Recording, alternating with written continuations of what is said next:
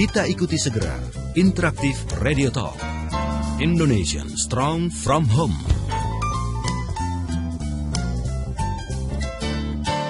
Indonesian Strong from Home bersama Ayah Edi, praktisi multiple intelligence dan holistic learning. Selamat mengikuti.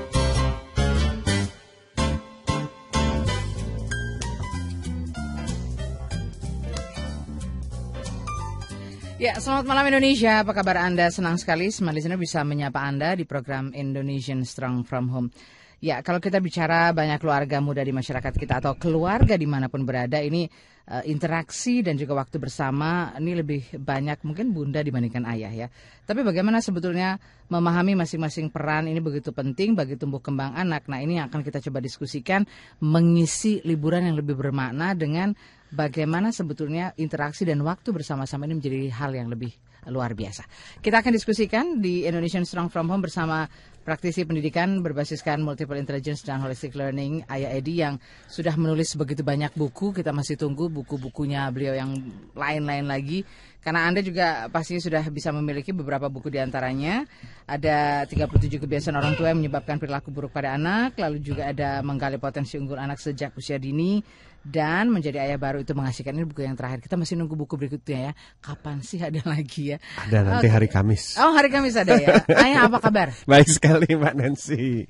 Luar Senang biasa. sekali ya ya. Iya. kalau kita bicara soal bagaimana sih sebetulnya uh, memanfaatkan kesempatan lalu juga bentuk interaksi. Karena kan yang Ya. pasti anak itu membutuhkan uh, pendampingan yang seimbang antara ayah dan ibu. Nah ini kan udah detik-detik menjadi libur telah tiba. Nah ini, ini mungkin waktunya bisa digunakan ya kesempatan Iya. waktu untuk liburan ini. ada lagunya mbak Yes. liburan sebentar lagi Oh salah ya, saya salah tadi ya. Rumahnya liriknya ya. Nah ini bagaimana sih ayah sebetulnya bisa memanfaatkan? Karena kan memang kalau Iya. kita bicara soal kebutuhan ini kan memang harus ada peran yang seimbang antara ayah dan Iya. ibu ya. Ya. Ya, yang pertama pada saat kita mendengar kata liburan, maka semua orang akan teriak hore. Hore, liburan."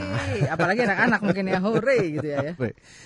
Eh, sebenarnya liburan ini adalah satu hal yang sangat dibutuhkan oleh Mhm, otak. Jadi otak itu memerlukan semacam eh, take a break for a while ya, Yes. beristirahat sejenak gitu. Eh, kenapa liburan ini menjadi sebuah kebutuhan yang amat sangat? Karena mungkin ya apa yang aktivitas yang dilakukan selama ini itu eh, aktivitas yang banyak mengundang stres. Mhm. Jadi apabila mungkin kita melakukan aktivitas yang saat ini kita geluti tidak banyak eh, mengundang stres alias kita cintai, Mhm. mungkin liburan itu tidak akan menjadi sebuah kebutuhan yang amat sangat. Memang manusia tetap membutuhkan liburan, Ya. tapi tidak menjadi kebutuhan yang amat sangat. Jadi kita melihat fakta di lapangan bahwa liburan hadir itu setelah UAN. Hmm. UAN itu adalah masa-masa stres bagi anak-anak yang bersekolah tentunya. Jadi eh, apakah pertanyaannya kita telah merancang liburan kita ini seefektif dan seefisien mungkin juga sebahagia mungkin karena eh, jangan-jangan malah eh, liburan itu hanya sebuah tradisi ya sesuatu yang dianggap tradisi dan Mhm. tidak direncanakan sehingga banyak anak-anak yang mengalami kehampaan dalam liburannya sehingga pada akhirnya dia bosan dengan liburan dan ingin segera masuk lagi begitu Mbak Hmm. Nancy. Oke, saya jadi eh, teringat ada satu kutipan yang menarik ya, ya, yang Ya. bilang seperti ini. Didiklah anakmu, maka ia akan memberikan ketentraman kepadamu dan mendatangkan sukacita kepadamu. Yes. Nah, justru sebetulnya mungkin di saat-saat kita memang punya keseimbangan komunikasi dan juga interaksi kita, maka saat liburan tiba, maka ini akan lebih mempererat ya sebetulnya hubungan antara satu dan eh, lainnya ya pihak keluarga. Ya betul. Eh kalau kita perhatikan ya dari konsumsi waktu Mhm. kita sehari-hari para orang tua itu mayoritas didominasi oleh aktivitas yang tidak bersama anak. Ya. Jadi sebenarnya dengan hadirnya liburan ini sebuah berkah yang luar biasa. Mhm. Eh, kita melihat fakta bahwa ada dua individu di sini misalnya kita ambil satu orang anak dan eh, orang satu keluarga ya. Ya. Eh, si anak sendiri sudah padat kegiatannya dengan aktivitas pembelajaran Waduh, tiap hari. hampir seperti orang kerja ya 9 to 5 gitu ya 9 atau to 8 to 5 gitu Iya, ya. bahkan lebih pagi ya Yes, of course. Nah, terus yang kedua, sisi orang tuanya pun sama. Sudah eh, terokupasi waktunya oleh kegiatan-kegiatan kantor dan pekerjaan. Jadi, eh, walaupun kita jujur saja sering tinggal serumah atau tinggal serumah sama anak, tapi sebenarnya waktu interaksinya itu sangat sedikit sekali. Jadi hanya bersama-sama secara fisik ya. ya. Persis. Persis begitu kira-kira istilah yang sangat tepatnya Mbak Nancy. Nah, waktu liburan ini seperti Tuhan mengingatkan kembali kepada kita, "Hey, wake up." Hmm, Wake up, hmm, Anda hmm. jangan tenggelam dalam kerutinitasan Anda sehari-hari, Ya. baik orang tua maupun anak. Oke, sekarang waktunya rekonsiliasi, sekarang waktunya membangun kebersamaan, sekarang waktunya membangun kedekatan. Nah, kita melihat bahwa tidak semua orang menyadari itu. Ada yang eh, misalnya orang tua masih ragu juga ngambil cuti pada saat anaknya libur misalnya. Aduh, begini-begini kerjaan lagi numpuk dan sebagainya. Oh, Ya, saya malah jauh-jauh hari udah pengen cuti ya. Jujur saja ya, waktu saya juga pernah jadi eh, orang kantoran atau bekerja begitu. Mhm. Kalau kita lihat pekerjaan mana pernah ada selesainya ya, Mbak? Nggak ya? ada habisnya ya. Iya, Mbak Nancy mau pulang aja. jam 10 malam tiap hari pun besoknya ada lagi. Eh, kan? Besok lagi pulangnya jam 10 malam jam juga 10 ya. malam juga. Jadi ya eh ya mari kita ingat selalu bahwa ini adalah kesempatan emas. Jadi pertama, kalau kita sudah melihat anak kita mau liburan, paling tidak kita juga punya plan bagaimana eh, kita juga mengambil liburan di saat yang sama. Kemudian yang kedua adalah bahwa liburan itu tidak lama ya, walaupun kadang-kadang ada sekitar 20 hari lebih begitu. Ya. Tapi 20 hari itu sebentar sekali. Betul. Da- dari setahun ya yang 365 hari. Bayangkan 20 per 365.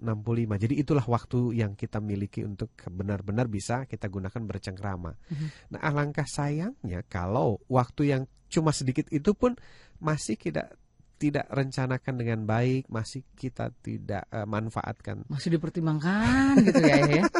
Masih Iya, kira-kira kayak mikir-mikir-mikir gitu. Iya. Nanti eh, apa namanya? Bagaimana perasaan anak kita dan bagaimana masa depan mereka jika jauh dari orang tuanya. Dan kembali lagi pada hakikatnya kita ini semua kerja banting tulang pagi sampai sore buat siapa Hmm, sih? Buat keluarga, buat anak-anak ya ya. ya. Iya betul begitu kira-kira. Oke, nah Ayah bagaimana sebetulnya kita mengisi waktu liburan atau memanfaatkan liburan? Kan ini kalau liburan bukan berarti libur benar-benar libur dan tanpa kegiatan yang bisa tetap eh, membuat kita mungkin tetap produktif, ya Iya. anak-anak kita juga tetap produktif. Nah, Iya. bagaimana sebetulnya mengisi hal ini dan menciptakan eh, Iya. liburan ini lebih bermanfaat? Nanti kita akan coba diskusikan Oke. lagi. Kita undang Anda juga untuk bisa nanti berinteraksi. Eh, Kita buka line telepon dan juga SMS. Anda bisa bergabung di eh, 0213983388 dan SMS juga sudah boleh dikirimkan dari sekarang di 0812111299. Line telepon kita akan buka di kesempatan eh, sesi ketiga. Nah, setelah ini kita akan diskusikan lagi apa sih sebetulnya eh, manfaat dari sebuah liburan dan bagaimana betul sebetulnya menciptakan liburan yang efektif, tetap produktif tapi bermanfaat juga ya. Tetap bersama kami. Kita kembali untuk Anda di program Indonesian Strong From Home. Let's make Indonesian Strong From Home. Masih bersama Ayah Edi dan malam hari ini kita akan mengulas tentang bagaimana sih sebetulnya menciptakan eh, liburan ya, bukan hanya sekedar Iya. rencana liburan dan juga ke mana liburannya, Iya. tetapi apa yang sebetulnya kita harapkan dari liburan itu bersama keluarga ya, entah ayah dan ibu lalu Iya. juga terhadap anak-anak. Nah, ini bagaimana mungkin interaksi di antara ang- anggota keluarga itu yang pastinya akan kita uh, ambil atau kita petik manfaatnya. Jangan sampai nanti liburan senang-senang perginya ke mana jauh-jauh pulang-pulang juga em, bagaimana interaksinya juga tetap sama aja seperti yang lalu kan ini juga kurang bermanfaat akhirnya ayah Betul, betul. Jadi yang pertama adalah kita perlu eh, ingat betul bahwa liburan itu beda dengan tiduran ya. ya. Hmm. Jadi liburan bukan tiduran. Yes, yes, yes, betul. Jadi liburan nggak harus selalu tiduran, ya. Hmm, Oke. Jadi eh pada saat kita punya range waktu, kat- katakanlah kita punya waktu 20 hari nih anak kita. Nah, cuti kita biasanya kan paling banyak 10 hari ya. Iya. Nah, 10 hari kerja. Oke.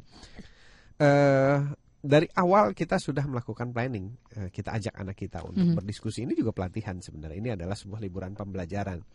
Eh, di sekolah mungkin jarang-jarang ya yang mengajarkan anak membuat perencanaan. Jadi siapa lagi kalau bukan kita kan? eh ajaklah diskusi. Ini loh sayang, eh, ayahmu bekerja di sini, profesinya ini ini, bundamu bekerja di sini, profesinya ini. Mhm. Mudah-mudahan paling enak sih kalau bundanya kebetulan nggak bekerja, jadi konfliknya nggak banyak ya. Oke. Heeh. Nah, andailah semuanya bekerja, terus kita katakan pada anak kita ini loh sayang, eh waktu kamu di sini, ini waktu papa di sini, waktu mama di sini. Oke, sekarang gimana caranya kita sinkronisasi? Nah, coba kita buat plan. Kamu pikirkan kira-kira liburan yang tidak terlalu padat itu di minggu keberapa, misalnya begitu, Mhm. atau di hari keberapa. Nah, nanti eh, papa sama mama akan menyesuaikan coba apply untuk cuti kira-kira di tanggal-tanggal itu. Nah, tidak harus urut misalnya, bisa juga dua hari, kemudian Ya. slok unslok dua hari lagi atau unslok maaf ya, lompat misalnya Melompat-lompat itu ya. eh, dua hari dan sebagainya. Nah, itu eh, dari awal kita coba libatkan anak kita. Kenapa? Karena anak kita juga manusia, begitu. Hmm. Jadi jangan segala sesuatunya determine. Determine itu ditentukan oleh orang tuanya. Yuk kita ke sini ke sini Jangan ke hanya sini. satu arah gitu ya. Iya, persis gitu. Yang pertama itu dari eh, penetapan waktu karena waktu ini kan penting. Gitu. Kalau waktunya udah sepakat kemudian eh, iya akhirnya di- disetujui juga eh, cuti ayah sama bunda gitu oleh kantor. Nah, baru berikutnya adalah kita bicara tentang eh, where. Ke mana nih? Hmm. gitu. Nah kalau sudah bicara where kan kita bicara budget. Berapa nih uang yang kita punya? Sebenarnya kalau perlu ya sebelum liburan kita udah ajak anak kita nabung. Jadi Betul. eh, kamu save berapa? Jadi kita ini karena urunan. kebersamaan gitu ya. ya? Iya kebersamaan. Tapi saya katakanlah kita belum memulainya. Eh, kalau anak saya urunan biasanya urunan koin, Hmm. koin. Jadi kalau dapat 20 kita liburan jauh gitu. Yes. Nah kemudian eh, habis begitu kita bicara tentang plan mau ke mana nih, where. Kemudian kapannya sudah dapat, kita bicara ini loh budget yang kita punya. Eh, sisa dari uang keluarga tuh tinggal segini. Nah dari sini kita cukupnya ke mana kira-kira ya gitu. Terus dengan menggunakan apa? Nah di situ dibahas, dibahas. Nah apa gunanya? Di sini untuk memancing keterlibatan anak. Yang kedua kreativitas. Yang ketiga bahwa rencana itu benar-benar owned by family. Jadi Mhm. benar-benar ini milik bersama loh. Berdasarkan putusan bersama Putusan ya, bersama. kesepakatan bersama, ya. Iya. Jadi anak-anaknya pun merasa bahwa oh saya, ya ini keputusan saya. Kemudian jangan sampai nanti liburannya ke tempat yang sama lagi misalnya X atau Y atau Z kan. Tempat kesukaan ayah atau tempat kesukaan ibu gitu ya. Iya. Atau misalnya ya tempat-tempat yang biasa kita kunjungi lah yang rutin begitu. Mhm. Cuma karena lama nggak berkunjung akhirnya kita kangen lagi begitu ke sana. Nah, terus ya hal-hal seperti itu nanti biasanya akan ramai. Nah, banyak pertanyaan misalnya bagaimana kalau saya misalnya keluarga pas-pasan gitu budgetnya pas-pasan. Oh ya, dengan diskusi sama anak tentunya kita bisa memecahkan masalah yang pas-pasan tadi. Kebanyakan kan orang menyimpan menyimpan itu sehingga dia tidak diskusikan dengan anak dan anak tidak tahu kalau orang tuanya kondisi keuangannya seperti ini. Dia akan membandingkan dengan teman-teman ya temanku ke sini ke sini ke sini ke sini ke sini ke sini. Akhirnya orang tuanya stres pinjam uang Hmm. misalnya atau atau ini atau itu. Nah, ini sebenarnya tidak perlu terjadi. Semakin terbuka kita pada anak, semakin kita berikan pengertian pada anak, semakin mudah-mudahan ya anaknya juga mengerti. Begitu. Oke, jadi hal yang menarik tadi eh, dari apa yang dibahas saya adalah anak-anak juga belajar bagaimana memahami keadaan orang tua ya, kondisi Ya. orang tua ya, dan Iya. juga bagaimana kondisi keuangan saat itu, sehingga mereka juga tidak memaksakan dengan kehendak mereka, misalnya harus liburan ke mungkin tempat yang jauh dan tempat yang membutuhkan Ya. biaya begitu ya. Betul, keluar pulau misalnya Mhm. ini atau itu. Saya banyak melihat keluarga-keluarga Indonesia eh, melalui Facebook yang bercerita pengalaman pribadi. Mungkin di sini juga kita bisa share ya siapa pun eh, tinggal SMS atau telepon yang mau share supaya jadi pembelajaran keluarga lainnya. Ada yang misalnya ternyata karena budget terbatas usulan anaknya sederhana saja. Eh, gimana kalau kita ngecat rumah gitu. Jadi acaranya ngecat rumah, ngecat kamar gitu. Jadi modalnya cuma cat sama kuas dan itu saja menjadi happy kan karena anaknya punya ide warnanya apa, kemudian motifnya bagaimana dan sebagainya. Itu bicara tentang cat. Kemudian ada lagi yang tanahnya agak luas berkebun. Kemudian ada lagi yang eh, memasak, ada yang memasak gitu ya. Liburannya di- diisi dengan uji trial buku masakan. Nah kebetulan mungkin anaknya suka memasak. Kenapa tidak begitu? Jadi eh, persepsi atau anggapan bahwa liburan itu harus keluar rumah, liburan itu harus biaya besar, itu mungkin bisa ditepis dengan eh, beberapa pengalaman keluarga Indonesia lainnya yang ternyata juga sama asiknya begitu. Oke, nah kita juga masih ingin diskusi dengan Anda tentang bagaimana sebenarnya menciptakan dan memanfaatkan liburan ini bukan hanya sekedar dari katakanlah tadi sisi kebersamaannya, tetapi efektivitas produktivitasnya juga perlu dilihat begitu ya. Apa yang bisa kita petik dari makna liburan itu? Bukan hanya sekedar mungkin senang-senang, tapi Ya. nanti akhirnya juga pulang-pulang hanya tinggal capek dan lelah Capek, saja betul. ya. Tetapi bagaimana memanfaatkan hal ini menjadi satu momentum kebersamaan keluarga dan ini menjadi sebuah komitmen bersama ya. Iya, ya. betul. Waduh, menarik sekali. Baik, nanti kita juga pastikan Anda bisa bergabung karena dua line eh, tentunya interaksi Anda bisa Anda gunakan selain di line telepon di 0813983388 dan juga di uh, 0812 11 12 959. Nah, Ayah kalau bicara soal liburan ini kan tadi katakanlah liburan ini bukan tiduran saja ya, seperti itu. Iya. Nah, bagaimana sih sebetulnya kita uh, mungkin melibatkan anak-anak kita untuk diskusi katakanlah tadi untuk tetap bisa memanfaatkan suasana liburan ini lebih rileks tetapi tetap produktif begitu. Nah, ini apa yang perlu kita share atau mungkin kita komunikasikan dengan Iya. anak-anak? Pertama tadi kita bicara tentang uh, when-nya ya, kapan kita mau berangkat. Kemudian setelah itu where-nya uh, Mhm. berhubungan dengan budget ya. Kemudian nanti kan kita akan ada uh, uh, kontennya. Kita mau ngapain sih di sana gitu? Mhm. Jangan-jangan main sendiri-sendiri, ayahnya di mana, bundanya di mana dan sebagainya. Jadi konten isi isi pada saat kita berada di sana berapa lama waktu perjalanan dan sebagainya itu harus mulai dibicarakan. Saya biasanya sama keluarga itu uh, punya namanya strategi liburan. Jadi sebelum liburan uh, tujuan itu eh, tujuan setelah tujuan Mhm. ditetapkan, maka kita akan mencari informasi sebanyak-banyaknya mengenai price misalnya tempat tinggal yang lebih murah, kemudian termasuk uh, macet ya. Jadi uh, arusnya seperti apa, di tanggal berapa kayak gimana. Kita monitoring itu lewat internet kan ketahuan. Iya. Lokasi-lokasinya sekarang kita bisa dapat di internet itu lengkap sekali ya. Jadi internet itu mensuplai informasi yang uh, sangat Memudahkan kita pula ya. memudahkan kita begitu.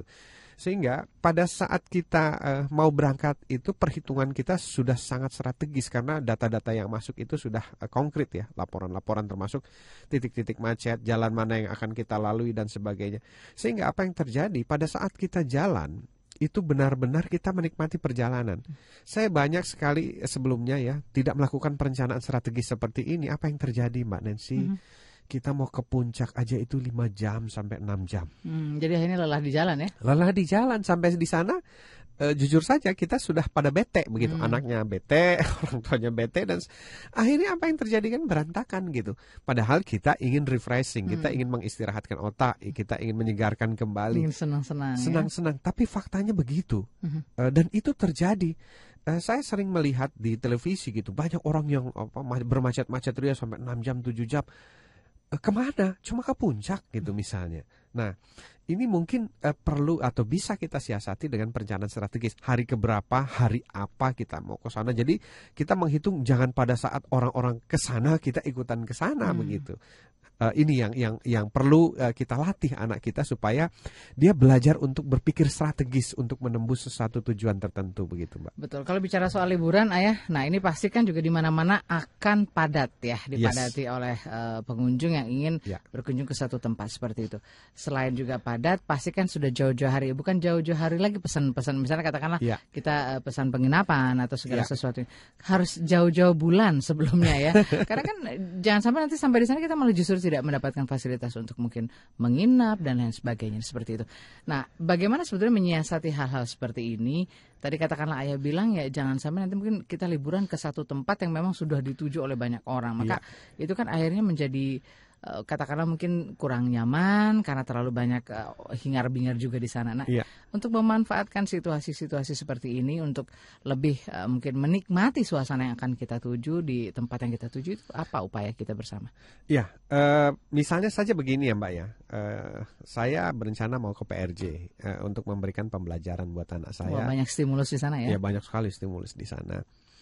Cuma saya bilang sama istri saya, eh, coba perhatikan tren PRJ gitu. Pertama adalah eh, di minggu keberapa. Kalau di minggu awal-awal biasanya sangat penuh. Wah, membludak gitu ya. membludak. Terus yang kedua, pelajari dari internet lagi tren setiap harinya, setiap harinya. Eh, kalau weekend seperti apa, kemudian eh, perbandingkan antara Sabtu dengan Minggu mana yang lebih padat. Kemudian yang terakhir adalah bagaimana kalau kita ambil misalnya hari kerja.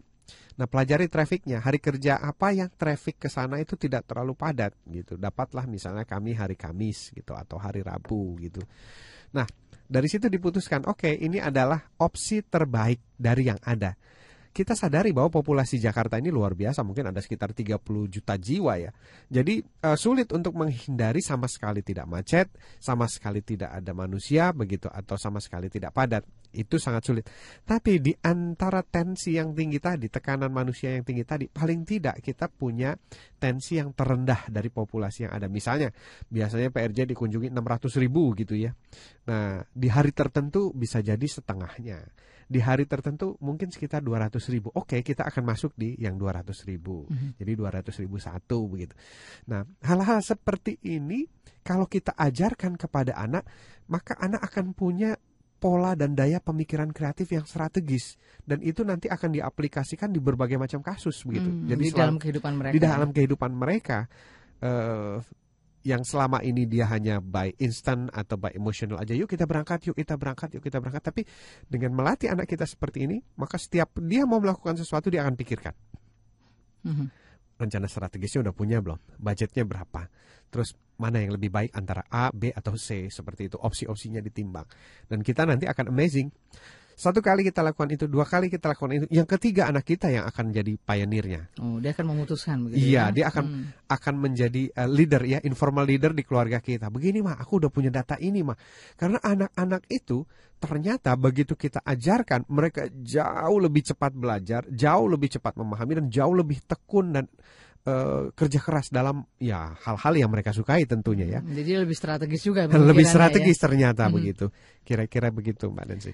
Oke, menarik sekali bicara soal liburan. Nah, ini banyak hal yang bisa dilakukan ternyata ya. Tadi bukan hanya sekedar menciptakannya, tetapi bagaimana mengisi eh, liburan itu sendiri. Nah, ini mungkin sudah bisa dipersiapkan oleh para ayah dan ibu ya, keluarga Indonesia, uh, smart listener, untuk menentukan kira-kira nanti liburan yang terbaik seperti apa. Karena bukan hanya sekedar liburan dan akhirnya tiduran itu, tapi liburan itu harus tetap bermanfaat. itu kalimat yang ayah sampaikan ini menarik juga ya. Jadi Iya. liburan bukan hanya sekedar tiduran ya.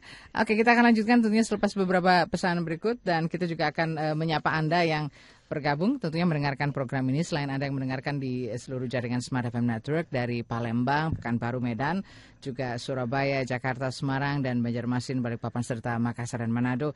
Kita undang Anda juga untuk bisa bergabung melalui beberapa radio sindikasi. Silahkan bergabung di Radio Global FM Langsa, Nanggro Aceh Darussalam, Kilaf FM Tasikmalaya dan juga apa kabar untuk Anda yang mendengarkan di Pro News FM Padang, Borneo FM Samarinda, Meta FM Solo, juga Evela FM Palangkaraya dan Arinana Pontianak serta Broadcast FM Kuningan, Suara Maritim eh, FM Cirebon dan juga Suara Kedari FM. Jangan ke mana-mana, kita akan segera kembali dan kita akan coba mengulas lagi lebih jauh tentang liburan yang bermanfaat seperti apa bersama Ayah Edi selepas beberapa pesan berikut ini. Kita masih mengulas seputar bagaimana memanfaatkan liburan dan menciptakan liburan yang bukan hanya sekedar efektif, eh, efisien, tapi juga produktif ya. Ini kita masih bahas bersama Ayah Edi dan terima kasih banyak sudah banyak sekali yang mengirimkan eh, SMS. Nanti kita akan ulas.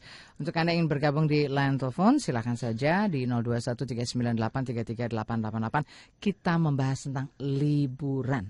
Oke. Nah, Ayah, kalau bicara soal liburan ini biasanya kan betul-betul yang relax, yang santai, sesantai-santainya. Padahal nanti ketika masuk anak-anak jadinya malas-malesan, jadi urung-urungan, bahkan mungkin bisa lupa gitu sama pelajaran. Nah, bagaimana juga eh, kita bisa menggunakan waktu liburan ini? Mereka juga tetap apa namanya bisa memanfaatkan waktu. Katakanlah tadi tetap punya stimulasi, tetap punya eh, apa ya semangat untuk belajar. Walaupun mungkin dalam konteks yang berbeda ya. Ini di saat liburan apa yang perlu kita isi? Begini, eh ada sebuah ide kreatif ya untuk mengisi liburan yang nanti akhir liburan itu anak-anak akan gemar belajar. Nah ini perlu dicatat. Betul, jangan sampai nanti begitu masuk liburan malah malas-malasan nggak kepengen masuk ya ya. Ya betul. Oke, pelajarannya misalnya apa? Matematika, kemudian geografi, Mhm. kemudian apa lagi ya? Bahasa, Bahasa. gitu. Mhm. Kita catat. Kemudian macam-macam ya bahasa. Nah, eh, semua pembelajaran ini akan kita diskusikan sama anak untuk memilih lokasi-lokasi yang mewakili keempat atau kelima mata pelajaran atau keenam atau semua mata pelajaran. Mhm. Terus kita ajak anak kita, oke kalau begitu kita bicara tentang matematika. Yuk kita belajar hitung budget. Nah sebelum hitung budget kita tentukan dulu tujuannya berarti pelajaran geografi. Waktu kamu belajar geografi belajar apa aja sih? Oke Aceh, kemudian Medan, Lokasi mungkin ya, letak-letak lokasi-lokasi. ya. Oke, sekarang yang mau kita pilih nih di liburan ini, kita mau misalnya di Medan, Toba. Nah, kamu pernah bicara tentang Toba kan? Nah, kita lihat langsung supaya nanti waktu kamu belajar semangat tentang Sumatera Utara. Kemudian kalau Sumatera Utara sudah oke, Sumatera Selatan, terus Sumatera apa ya, Padang misalnya. Karena di sana banyak tempat-tempat yang luar biasa yang ternyata saya baru tahu itu setelah jadi pembicara karena keliling-keliling ke sana. Dipanggil ya ya ke berbagai tempat ya. Iya. Nah, seandainya kita punya kelebihan budget gitu ya, cukup budget, kita mulai berencana gitu. Oke, secara biogra- eh, geografi kita akan lihat kota Katulistiwa itu di mana sih? Ayo kita datangi ke sana gitu misalnya. Ambon itu di mana dan ternyata Ambon luar biasa ya. Indahnya Manado, Manado itu terkenal sekali tentang ini. Nah, kalau seandainya kita mengajak anak kita untuk melibatkan unsur-unsur pembelajaran itu menjadi sebuah experience learning, saya jamin bahwa mereka kembali ke sekolah itu dengan imajinasi dari tempat-tempat yang mereka kunjungi. Jadi semangatnya tetap ada ya. ya, Iya. ya? Misalnya bahasa, oke, kita akan ke Bali nih ceritanya, ke Bali. Uh, kita akan mengembangkan apa saja di Bali. Matematika tetap dapat kan hitung budget, Mhm. kemudian strategik, geografinya dapat kita Bali itu kita bilang di koordinat berapa sih Bali itu sebenarnya kan nggak ada yang tahu nih kita di koordinat berapa ya. Iya. Karena memang kita nggak pernah utak atik model seperti itu. Ke Bali ke Bali aja jreng begitu. Kita nggak tahu dia di lintang berapa, bujur berapa. Kemudian pas di Kute itu, ayo kita tebak-tebakan ini lintang berapa, bujur berapa. Kemudian waktu di Lovina misalnya, ini berapa dan sebagainya. Sanur, ini kan jadi asik begitu. Mhm. Terus belajar bahasa, oke. eh English ya, di sana banyak orang asing Yes. Yuk kita praktek.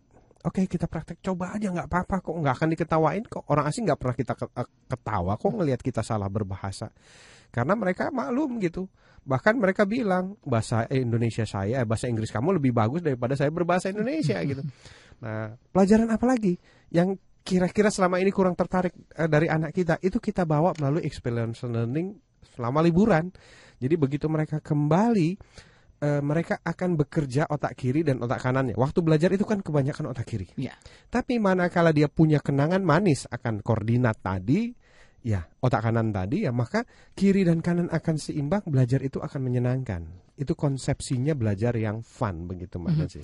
Oke, baik Ayah. Kita coba ke beberapa pertanyaan di SMS sini ya. Ini juga menarik-menarik bicara soal eh, liburan. Kita ke Pak Romadi di Temanggung. Selamat malam Ayah Edi. Selamat malam Pak Rohmadi. Oke, Pak, bagaimana kalau anak kami saya ajak wisata ke dekat pabrik-pabrik kecil sekitar tempat kami? Ini menurut Ayah bagaimana? Canggih, canggih. Saya berencana mengajak anak saya yang kecil itu ke Jogja nanti. Untuk apa ke Jogja? Saya sedang mensurvei di Jogja itu ada apa saja. Saya akan ajak anak saya belajar tentang pertama potensi wisata, yang kedua potensi kuliner, yang ketiga potensi tentang eh, barang-barang tradisional. Eh, satu ketika saya bermimpi bahwa anak saya itu mengerti bagaimana cara memasarkan produk-produk Indonesia yang unggul itu ke mancanegara. Kenapa Mbak Nancy? Harga barang-barang kita di mancanegara itu gila-gilaan. Kebetulan salah satu keluarga kami baru pulang dari Eropa. Cerita bahwa yang dijual di sana itu golekan, wayang, produk-produk Indonesia yang kita punya banyak di Jogja dan di daerah-daerah lainnya. Tapi kenapa eh apa namanya harganya atau tidak terkenal itu karena kemampuan marketing anak-anak kita itu tidak digodok, tidak dilatih sejak dini pada saat mereka liburan sehingga pada saat dewasa mereka punya imajinasi yang sangat berkembang. Kita tidak tahu eh, bahwa suatu ketika mungkin anak kita tinggal di Eropa, di Singapura dan sebagainya. Nah, pada saat anak kita dari kecil itu sudah dilatih, dilatih refleksnya, eh, apa namanya jiwa dagangnya, jiwa marketingnya. Suatu ketika mereka berada di sana, di, di- diizinkan oleh Tuhan merantau ke luar negeri, mereka akan bangkit itu ya pengalaman-pengalaman kecilnya. Kenapa saya nggak begini? Kenapa saya nggak begini? Seperti itu kira-kira Mbak Nancy. Jadi pemasar yang handal juga ya. Iya, salah satunya di Jogja saya pernah dengar itu di Kick Andy ya. Ada eh, mantan kenek bis eh, Solo Jogja itu yang menjadi pemasar batik eh, nomor satu di Eropa. Oh. Ya, wow. ibu-ibu itu. Seperti itu. Saya geleng-geleng kepala. Ya, waktu itu dia cerita bahwa ini terjadi karena sebuah keterpaksaan anaknya sakit begitu. Biasanya dia ibu-ibu ini ngenaiki antara Jogja sama Solo karena anaknya sakit tidak mau berhenti. Akhirnya dia nggak bisa ngenaiki. Kemudian dia kelolalah warisan orang tuanya tentang batik. Kemudian karena hasilnya bagus, banyak orang asing yang belanja ke sana. Kemudian dia sudah tanya, bisa nggak ya kira-kira bantu saya buka toko di luar negeri? Oh, jadi membuka jaringan ya, Iya. kesempatan untuk Nah, kerjasama. Orang yang sudah eh, apa namanya senior saja eh, karena pengalaman hidupnya yang luar biasa itu bisa terbangkitkan ya kemampuan-kemampuan yang terpendam dari diri. Apalagi anak-anak kita begitu. Nah, jadi kalau berkunjung ke pabrik, ayo nak kita lihat satu ketika suatu ketika mana tahu dia adalah pemilik pabrik hmm. eh, salah satu karoseri misalnya atau pabrik apa begitu ya. Nah, jadi sangat bagus Pak itu Pak. Asalkan pada saat kita mengunjungi itu terus kita ajak dialog, kita jelaskan, kita tanya, kita jawab, kita minta dia, ayo tanya langsung ke sana. Saya sering sering minta anak saya itu untuk berani, ayo tanya langsung, tanya langsung. Dan uh, kita harus mempersiapkan mental anak kita kalau yang ditanya itu malas jawab karena hmm. tradisi di kita biasanya kalau anak-anak yang tanya jarang ditanggapi begitu. Okay. Baik, ini juga melatih keberanian mereka ya ayah ya. ya. Bagaimana sebenarnya berinteraksi ya di di luar sana. Oke, benar-benar menjawab. Terima kasih untuk Pak Rohmadi ya. di Temanggung. Selamat uh, melaksanakan liburannya. Nanti kabar-kabari kita juga ya bagaimana sebetulnya hasil liburannya hasil, ya. Hasilnya Oke, seperti apakah apa? cukup efektif dan produktif ya? Nanti ya. kita diskusikan lagi. Oke, kita lanjut lagi. Sekarang kita ke pertanyaan dari oh, ada pekan baru dari Pak Akmal di Pekanbaru. Selamat malam, Ayah. Assalamualaikum. Waalaikumsalam Pak Akmal, selamat malam. Yang ingin saya tanyakan bagaimana dengan anak yang kekurangan budget ya, mungkin orang tuanya kurang budget okay. sehingga uh, mereka tidak bisa mungkin katakanlah liburannya keluar kota. Nah bahkan untuk berlibur uh, apa ya, berlibur pun hanya mungkin di rumah saja. Nah ini bagaimana mengisi hal ini? Baik, pertama begini, saya ingat pengalaman masa kecil saya. Uh, orang tua saya hidupnya uh, cukup ya, cukup buat makan, cukup lah gitu. Kalau dibilang kekurangan kita tidak bersyukur, tapi cukup. Uh, tapi begitu kita bicara tentang leisure, tentang jalan-jalan, uh, uh, tentang liburan, vacation, uh, jadi tidak cukup budgetnya begitu. Tapi apa yang uh, dilakukan oleh orang tua saya? Beliau bertanya, kamu mau jalan-jalan gitu? Kamu mau ke mana? Ditanya. Yuk kita hitung ongkosnya berapa jadi hitung ongkosnya berapa. Misalnya waktu itu yang terdekat dari tempat kami ya kayak Taman Impian Jaya Ancol misalnya. Ongkosnya berapa, uang masuknya berapa. Eh uh, oke, okay. kalau misalnya tahun ini tidak bisa, tahun depan kamu mau? Mau. Oke, okay, kalau gitu uh, kita cari uang. Nah, kita dagang. Saya dilatih dagang, Mbak. Ibu saya yang masak kue-kue, -hmm. kemudian apa waktu dulu ada es tenteng ya, es tenteng lagi zamannya es kue itu, yeah. ibu saya bikin dan sebagainya uh, saya sekolah pagi, siangnya saya suruh dagang. Ayo kumpulkan uang yang kamu butuhkan untuk liburan. Jadi ngumpulin uang. Hmm. Nah, jadi kita tidak mati langkah begitu. Kalau misalnya kita nggak punya uang dan orang tua kita terbatas, sudah mau gimana lagi? Nggak ada kata begitu. Ibu saya selalu, ayo, selama kita pakai dan pakai otak kita, berpikir dan berusaha pasti bisa. Jualan kue saya mbak, jualan kue, jualan es dan sebagainya. Jadi setiap pulang sekolah ya itu, karena yang ada di pikiran saya tahun depan nih harus jalan harus, harus jalan, harus pergi ya? ke sini, harus gini gini gini gini.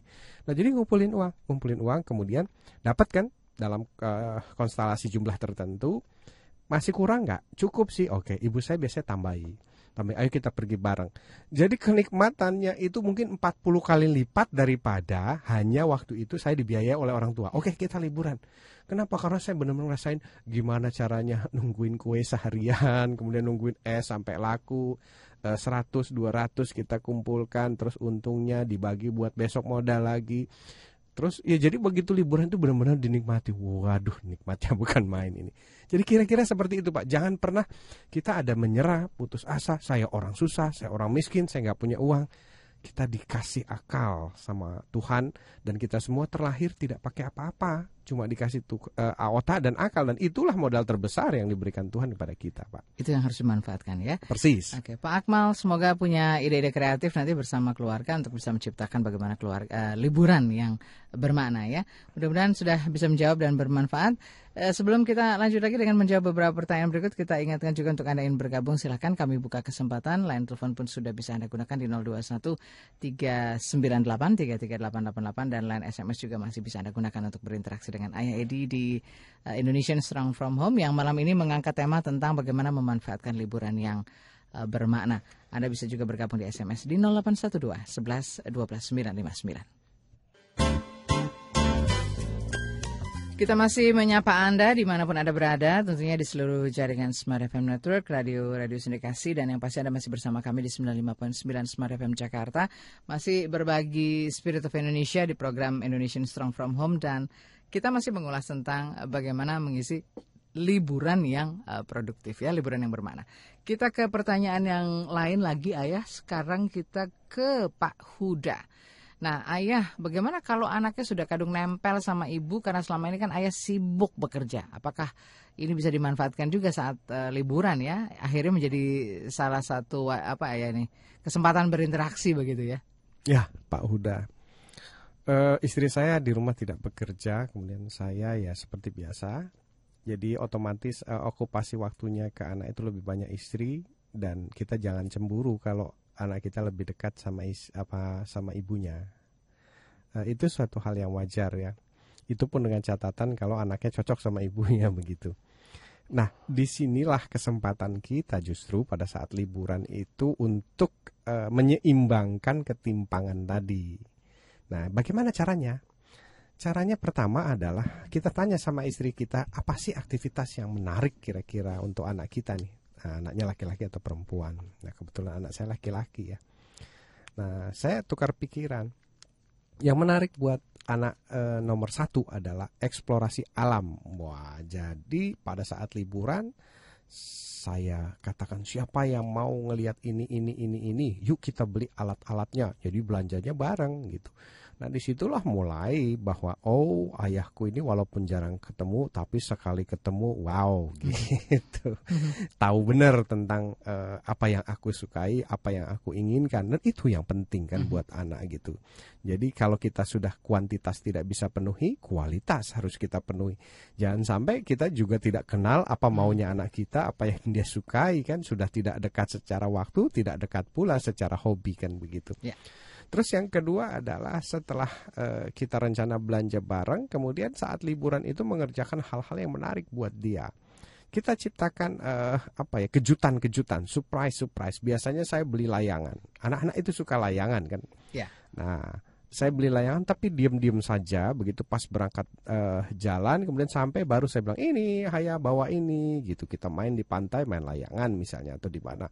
Itu ya anak-anak luar biasa begitu ya. Excited excited ya. dan dan dia melihat ayahnya itu dalam sosok yang berbeda. Oh ini orang ngerti betul ternyata ya walaupun nggak nggak sering ketemu misalnya. Mm -hmm. ini orang tahu betul ya kenal betul apa yang saya sukai nah jadi uh, itulah yang perlu pak kita lakukan ya pak Huda. E, diskusi sama istri pasti istri tahu kok kesukaan anak kita apa saja apa saja dan e, buatlah surprise surprise kecil buat anak kita dan sebagainya sehingga dia merasa terperhatikan. Anak-anak itu jangan disangka tidak memperhatikan dia sangat jeli sekali dia sangat tahu siapa orang tuanya bahkan dia sangat smart sekali begitu.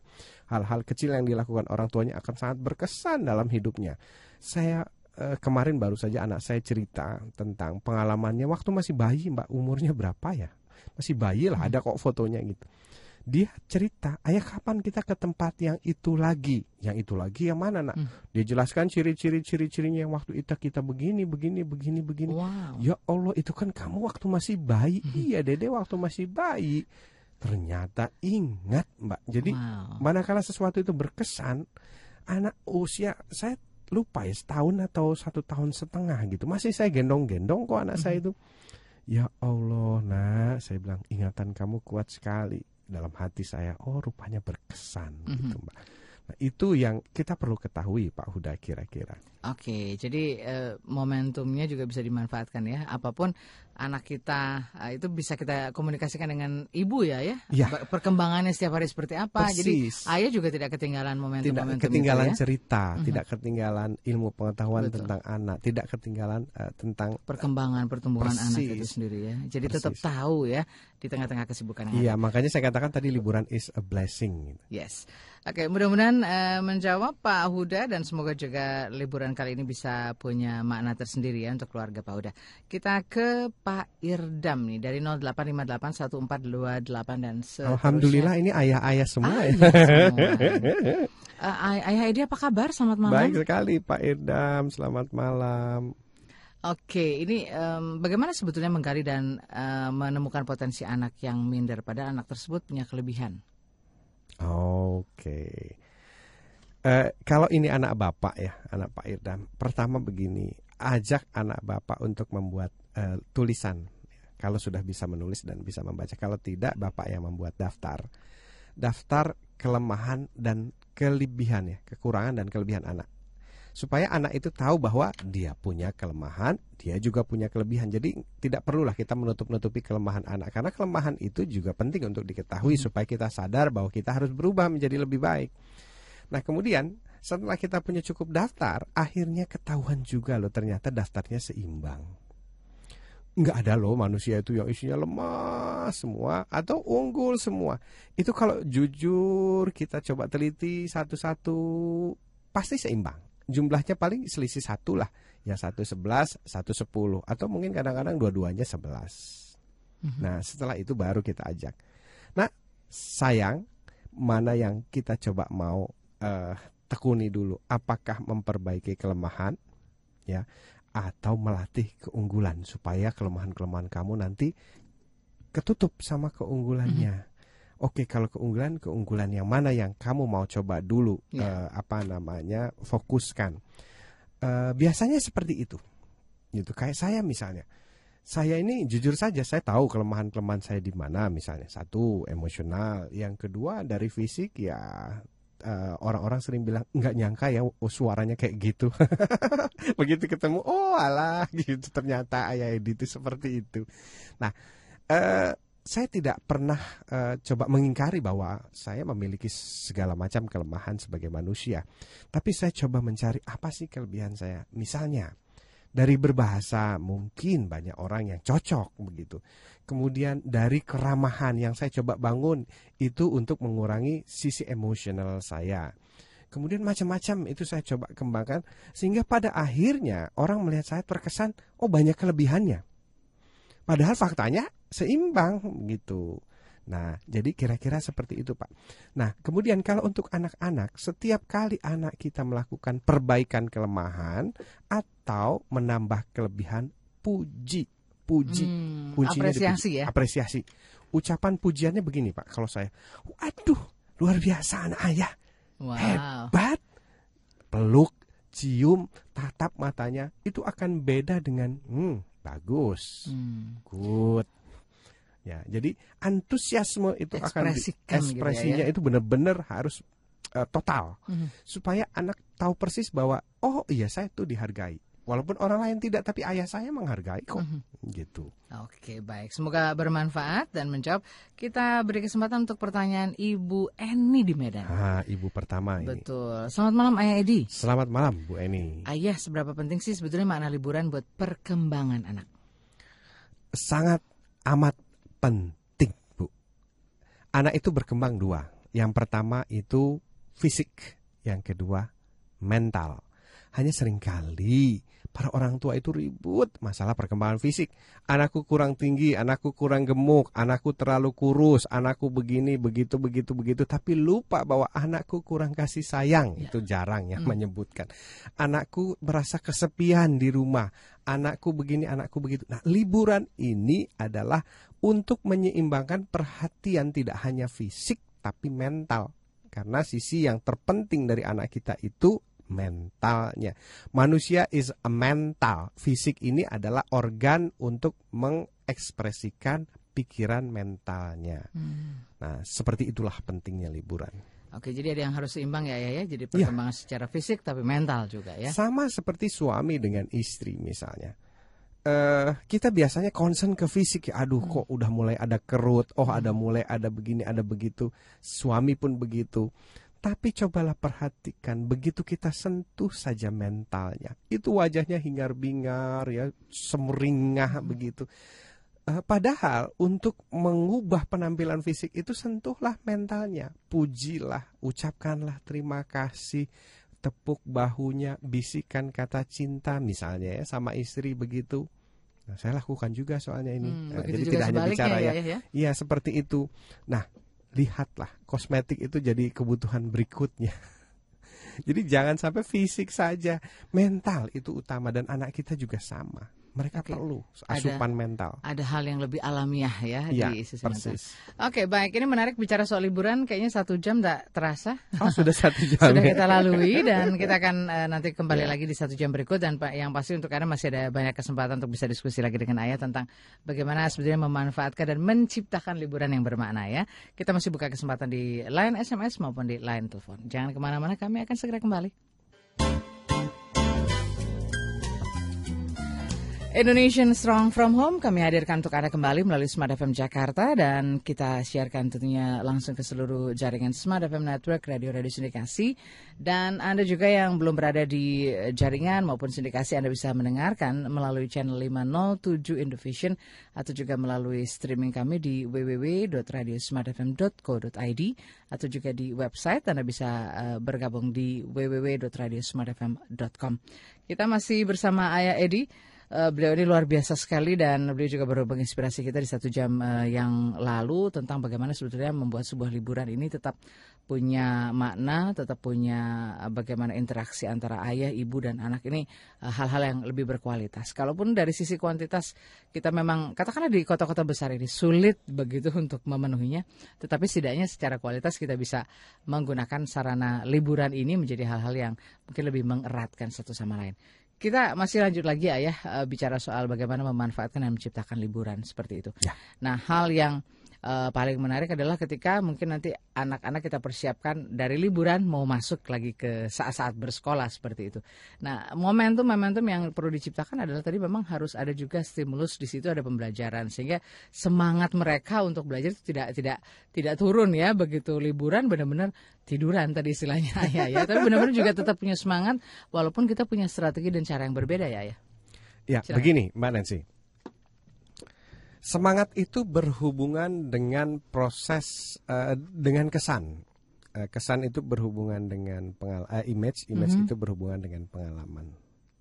Jadi uh, kalau dikatakan anak itu suntuk belajar karena image yang dibangun pada kata belajar tadi adalah satu serius, dua di dalam kelas, tiga melihat buku, empat tugas-tugas, lima hukuman. Mm, okay. Jadi begitu eh, dengar kembali belajar, kembali masuk sekolah, maka otak akan menampilkan lima kesan tadi, ya kesan yang uh, tidak menyenangkan. Mm. Akhirnya apa? Kesan yang tidak menyenangkan ini akan uh, apa meruntuhkan semangat tadi, akan melelehkan semangat tadi. Oleh karena itu di kesempatan liburan inilah kita coba ganti image belajar itu dengan image yang menyenangkan. Jadi yang lima tadi coba kita tutup ya, kita tutup nah dengan image baru misalnya matematika. Image-nya kita ganti dengan begitu bicara matematika, hitung-hitungannya adalah menghitung budget perencanaan untuk pergi jalan-jalan di tempat favorit. Bayangkan. Hmm jadi begitu mau masuk eh, belajar matematika, oh belajar hitung budget nih. Langsung image itu yang keluar. Jadi semangatnya akan muncul lagi. Percayalah pada saya bahwa kita misalnya nih mau bertemu someone itu apakah kita semangat atau tidak itu tergantung someone image-nya itu siapa gitu. Yeah. Kalau someone image-nya itu bos misalnya atau orang yang kira-kira kita tidak sukai, semangat itu langsung meleleh kok.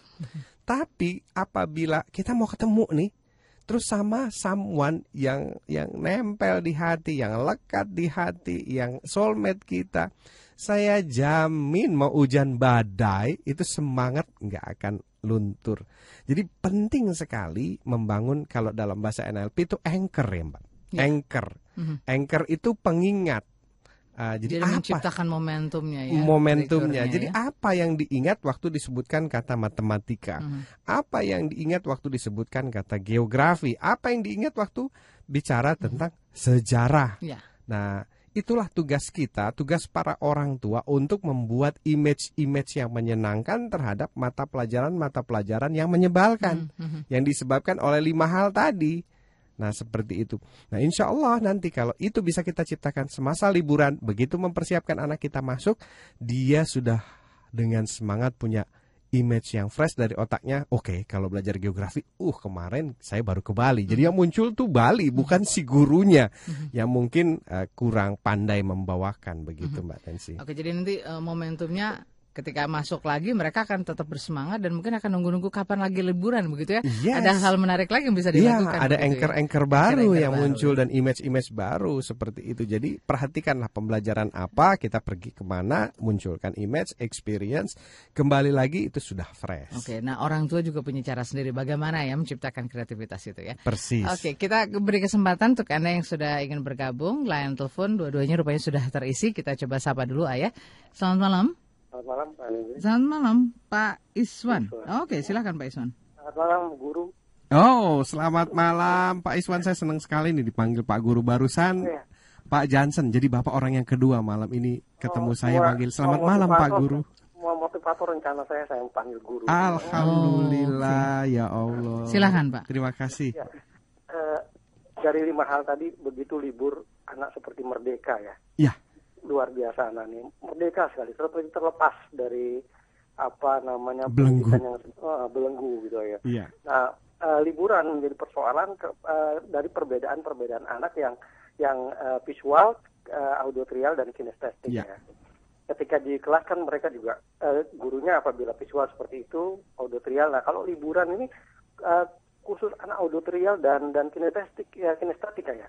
Ya. Kalau visual kan jelas mereka lihat alam gitu. Iya. Nah, sebaiknya Oke, kita sudah bisa tangkap maknanya Ya. tadi bagaimana perbedaan-perbedaan ini dan melengkapi mereka dengan mengisi liburannya. Kita ke penelpon berikutnya. Selamat malam, Smart FM. Selamat malam, Ya, selamat malam. Dari siapa di mana, Pak? dari Pak Ahmad di Tangerang. Pak Ahmad di Tangerang. Silakan Pak Ahmad. Eh, Ayah Edi, Ya, Pak Ahmad. selamat malam. Selamat malam Pak Ahmad. Eh, ini Ayah Edi, saya mau nanya soal ini eh, agak agak sedikit berbeda dengan topik malam ini ya, Mhm. Ya. mengenai pendidikan eh, di sekolah itu. Ya. Saya pernah dengar mengenai standarisasi UNESCO ya, Mhm. Oh iya, iya. Mhm. Ah, yang ya itu itu eh, apa standar saya kan kalau eh, gimana agak sedikit bingung ada standar UNESCO itu apa standarnya terus bagaimana atau Mhm. contoh-contohnya seperti apa itu ya Five Ya. pilar gitu. Pak ya. ah, Baik. dilar istilahnya Oke. Ya, Itu baik. saja. Ya. Baik, terima kasih Pak Ahmad di. Tangerang. Selamat malam. Oke, kita ke Pak Iswan dulu. Nah, bagaimana liburan ini eh, mereka juga tetap merasa tadi katanya liburan tuh berarti merdeka gitu ya. Ya. Dari aktivitas dan rutinitas yang dari Ya. pagi sampai Iya. eh, sore hari itu. Tapi bagaimana eh, bisa menyiasati persoalan yang ada ketika kan anak-anak ini kan pastinya unik dan berbeda ya. Ya, tipenya beda-beda. Ada yang kinestetik, auditory, dan visual. Ini eh, upaya kita untuk melihat ya, liburan-liburan yang sesuai dan cocok buat mereka seperti apa? Ah, begini Pak Iswan. Eh, seandainya kita punya anak lebih dari dua ya atau tiga Mhm. gitu. Eh, ternyata masing tipe-tipenya beda-beda. Cara yang paling baik yang bisa kita lakukan atau salah satu caranya yang paling bi- bisa kita lakukan adalah kita minta anak-anak kita, eh sayang nak, eh, sebulan depan akan liburan, tolong dong ayah minta 10 daftar tempat favorit buat kamu untuk liburan. Masing-masing anak akan berpikir keras itu tempat favorit. Nah biasanya tempat-tempat favorit itu akan mewakili dia punya gaya belajar, auditori, visual, kinestetik. Nah, tapi jangan jangan jangan kita jangan lupa Pak Aswan bahwa kadang-kadang satu tempat bisa mewakili tiga jenis anak ini atau tiga tipe anak. Misalnya kita pergi ke puncak. Hanya bedanya nanti yang auditori itu dia akan membawa gitar. Oke. Nah, terus nyanyi-nyanyi di puncak gitu ya, di acara keluarga. Kemudian yang visual ini mungkin dia akan membawa buku novel kesayangan. Atau apa pun yang dia bisa lihat dan baca. Aktivitasnya kadang-kadang malah bawa komputer dan sebagainya. Dia ingin menikmati suasana baru tapi tidak lepas dari tipe visualnya. Nah, kalau yang kinestetik ini mungkin dia akan pagi-pagi sudah jogging misalnya kalau kita kebetulan ada di Gunung Mas ya. Jogging. Nah, ini satu tempat bisa mewakili ketiganya. Makanya cara yang terbaik adalah meminta daftar dari mereka tempat favorit. Nah, ternyata kalau beda-beda nanti kita coba diskusi. Ya diskusi antar keluarga. Oke untuk liburan kali ini yang kita pilih ke mana nih? Mhm. Ah, giliran siapa yang menang misalnya gitu ya. Kita akan gilir nih. Ke sini ke sini ke sini. Kalau perlu kita model arisan. Semua tempat dimasukkan kita kocok. Nah itu yang keluar oke kita terima sama-sama seperti itu. Berarti liburan kali ini ke sini. Nah, sepanjang kita melibatkan mereka semua dengan cara-cara yang fair ya, tidak ada tendensi membela si A, si B, si C, biasanya anak-anak akan bisa menerima dan ini sebuah proses pembelajaran bahwa uh, hidup ini uh, perlu sebuah keterlibatan dan perlu fairness. Begitu kira-kira Oke. Pak Iswan. Pak Iswan, semoga menjawab. Terima kasih. Kita ke Pak Ahmad di Tangerang. Nah ini pendidikan dengan standarisasi UNESCO. Beliau ingin dijelaskan ya. Begini, eh, UNESCO itu kan memonitoring masalah standar pendidikan, Pak. Oke. dunia ya. Dunia, ya. eh. Jadi kalau kita bicara pendidikan, nanti kan akan menghasilkan yang namanya eh, angkatan kerja, kemudian akan menghasilkan sebuah generasi. Nah, setiap negara kan punya sekolah, tapi eh, UNESCO itu kan bingung. Eh, apa nih bedanya sekolah SD di Jepang, di Inggris, di Australia dengan di misalnya Swiss gitu. Nah, oleh karena itu UNESCO kira-kira menetapkan nih, oke kalau misalnya sekolah itu sudah masuk ke standarisasi internasional, artinya seorang anak SD di satu negara akan bisa comply atau eh, bisa menyesuaikan diri dengan di negara lain, maka syaratnya eh, sekolah tersebut harus memiliki lima tiang utama proses pembelajaran. Nah, apa saja tiang-tiangnya? Nah, sekarang ada enam Pak, saya tambahi sendiri gitu. Yang pertama adalah apabila sekolah tersebut di awal itu mengajari anak-anak bagaimana caranya belajar. Jadi learning how to learn. Learn how to learn. Karena begini, banyak guru-guru yang ngajar tapi nggak tahu juga ngajarin bagaimana sih cara belajar yang efektif. Sehingga akhirnya muncullah bimbingan belajar karena orang-orang di bimbingan belajar itu ternyata tahu, oh belajar yang efektif seperti ini. Ada metode jembatan keledai, ada metode apa namanya mind mapping, ada metode ini dan sebagainya dan sebagainya. Itu sebenarnya standarisasinya salah satunya adalah learn how to learn. Kalau sebuah sekolah di awal-awal gurunya melatih anak untuk bagaimana belajar secara efektif, oke itu masuk standar internasional. Terus yang kedua adalah learn how to know. Learn how to know itu anak-anak dilatih untuk mencari tahu sendiri, mencari tahu sendiri bukan diberitahu. Gitu mencari tahu sendiri tentang hal-hal yang ada di seputar mereka. Misalnya standar internasionalnya adalah bukan daun itu berwarna hijau, bukan. Mengapa daun itu berwarna hijau? Nah, bu gurunya akan bilang, kenapa bu guru? Ah, ibu guru nggak tahu. Sekarang kamu bantu bu guru. Nah, jadi anak-anak diminta untuk cari searching di internet, di ensiklopedia, di toko buku. Itu berarti sekolah tersebut masuk standar internasional UNESCO. Kemudian habis begitu learn to do. Learn to ini artinya kalau misalnya anak ten- belajar tentang daun, maka jangan dia lihat di buku gambar daun menurut UNESCO. Dia harus pergi ke kebun melihat daun, memegang daun, kemudian menguji coba daun di bawah mikroskop. Itu masuk standar internasional. Sampai yang tertinggi pilarnya ya, saya agak lupa Pak, catatannya ada di rumah. Yang paling tinggi pilarnya itu adalah learn to live together. Sebelum itu adalah learn through life. Jadi eh, anak itu diajarkan bahwa tempat belajar itu tidak hanya di sekolah, nah itu learn through life itu eh, yang keempat ya. Jadi di mana pun kamu bisa belajar, di radio, kemudian di mall, di mana pun itu tempat belajar. Jadi jangan sampai ada terkesan bahwa tempat belajar cuma di sekolah. Nah sekarang ini kan begitu ya. Anak kalau udah keluar sekolah, ah, lepas, bukan tempat belajar nih. Nah UNESCO mengatakan bahwa learn through life, belajar seumur hidup di mana pun. Nah yang terakhir tingkatan tertinggi adalah learn to live Together. together.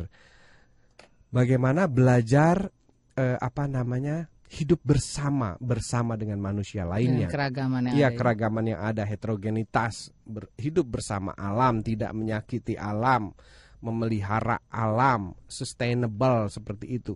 Nah ada empat eh, sorry ada lima pilar yang ditetapkan bahwa se- sekolah tersebut masuk kategori eh, kualifikasi atau kualitas internasional. UNESCO tidak mensyaratkan bahwa sekolah itu dari gedungnya harus begini, begini, begini, dari teachernya harus lulusan begini, begini, begini. Tidak, dari lokasinya harus di jantung kota, sama sekali tidak. Yang ditetapkan adalah yang itu tadi filarnya. Jadi mau di tengah sawah kah sekolahnya, atau di tengah ladang, di desa, di kota, di gunung, asalkan dia melaksanakan yang the five pilar tadi, maka murid-muridnya akan masuk kualifikasi international student. Kira-kira Oke. seperti itu. Jadi ada jadi lima ya. Ya tadi ada uh, learn how to learn, learn how to know, learn how, uh, how to do. ya, Lalu tadi juga ada learn uh, to through, Through life, Nah, through life. juga lalu uh, Learn to live together. together. Nah, Iya. tadi ayah mau nambahin satu apa tuh? Katanya jadi enam. saya lupa itu yang keenam ya di rumah ada catatannya, tapi paling tidak ada Mhm. lima pilar utama itu yang ditetapkan oleh UNESCO. Mhm. Jadi eh, fenomena-fenomena misalnya bimbel ini karena pilar-pilar yang pertama sekali itu tidak dipenuhi oleh sekolah. Hmm. Jadi guru-guru pertama itu mestinya melatih bagaimana cara belajar yang baik sesuai dengan tipe kamu masing-masing, nak. Terus eh, ada jembatan keledai, ada ini, ada itu sebenarnya banyak sekali itu metodologinya untuk belajar saja. Nah, anak-anak kita kan enggak dilepas sendirian. Tahu-tahu diuji, dilepas sendiri, tahu-tahu diuji. Jangan-jangan kita juga dulu nggak tahu karena kita nggak pernah diajari. Makanya nggak pernah diuji juga ya. nggak Oh, tapi saya sudah diuji sama waktu nih Oh, untuk oke, uh, break silakan, dulu. silakan. Dan yang Jadi pasti ada begitu. juga kita beri kesempatan untuk bisa diskusi lagi. Pak Ahmad dan juga Pak Iswan semoga menjawab, semoga bermanfaat. Kita akan buka kesempatan lagi tentunya selepas beberapa pesan berikut. Jadi tetap bersama kami di Indonesian Strong From Home. Ya, kita masih kembali untuk Anda dan yang pasti program eh, ya, Indonesian Strong From Home ini kita hadirkan setiap Selasa malam dari pukul 20 sampai dengan 22 ya. Ini banyak sebenarnya orang tua yang sudah mempersiapkan liburannya dengan baik dan mudah-mudahan sudah dimanfaatkan dengan Amin, baik ya, amin, ya. amin. Oke, kita masih akan bergabung lagi dengan beberapa pertanyaan yang eh, juga sudah masuk di line eh, SMS. Nanti Anda yang juga ingin bergabung di line telepon juga boleh masih ada kesempatan ya, masih ada tiga sesi lagi ya. Kita ke pertanyaan dari eh, Pak Danu Jasa. Ayah Edi bagaimana mengubah perilaku anak yang terlanjur nakal agar berakhlak mulia dan cerdas pada liburan ini? Oh, luar biasa. Mhm. Ini juga blessing Pak Danu. Yang pertama caranya begini, Pak. Nakal itu datang dari sebuah pemikiran. Nah, pemikiran orang tua plus pemikiran si anak, ya. Ambil contoh begini. Waktu kita katakan ini anak nakal betul, nah coba nakal itu kita bedah. Misalnya nakalnya apa? Lompat-lompat di kursi. Nah, apakah ini sebuah kenakalan atau sebuah proses perkembangan motorik? Nah, motorik itu adalah otot-otot besar anak. Kalau misalnya ternyata secara sains dia sedang mengembangkan motorik, kan luar biasa, Pak. Jadi sebenarnya bukan nakal. Hanya saja karena di kursi si pemilik kursi terganggu, takut rusak, takut patah, harganya mahal, nanti jebol. Oleh karena itu, langkah berikutnya jangan kita katakan nakal, tapi kita berikan tempat fasilitas yang kita harapkan tidak mengganggu siapa pun. Misalnya diberikan matras, kemudian di satu ruangan di kamar. Oke sayang, inilah tempat kamu melompat-lompat. Pertanyaannya apakah bisa? Awal-awal sulit, tapi lama-lama bisa dan terbiasa. Itu terjadi pada anak saya. Tadinya anak saya lompat di mana pun dia mau lompat. Tapi sekarang ada tempat-tempat khusus dia lompat di kasur pribadinya. Misalnya, saya punya, saya belikan kasur pribadi ini kasur pribadi kamu sayang. Nah, segala sesuatu kerusakan dan sebagainya adalah hak dan resiko Tanggung kamu. jawab. Iya, seperti itu. Balik lagi yang lain, apalagi yang Bapak sebut nakal. Nah, itu didefinisikan satu-satu. Apa sih sebenarnya masalahnya? Apakah mencuri kah, memukul kah? Itu pasti ada dua hal. Yang pertama adalah dia sedang mengembangkan atau sedang belajar tentang sesuatu benar atau salah. Yang kedua, kita merasa terganggu. Nah, supaya tidak merasa terganggu, berikan solusi, ajarkan caranya. Nah, anak itu perlu proses. Jangan kita harapkan bahwa hari ini kita minta besok bisa. Kita saja juga tidak seperti itu. Beri waktu tenggat misalnya. Oke, dalam seminggu ke depan, yuk kita lakukan ini. Seperti itu. Jadi hapuskanlah kalimat nakal di kepala. Gantilah dengan observasi dan proses telusur kenapa dia melakukan itu.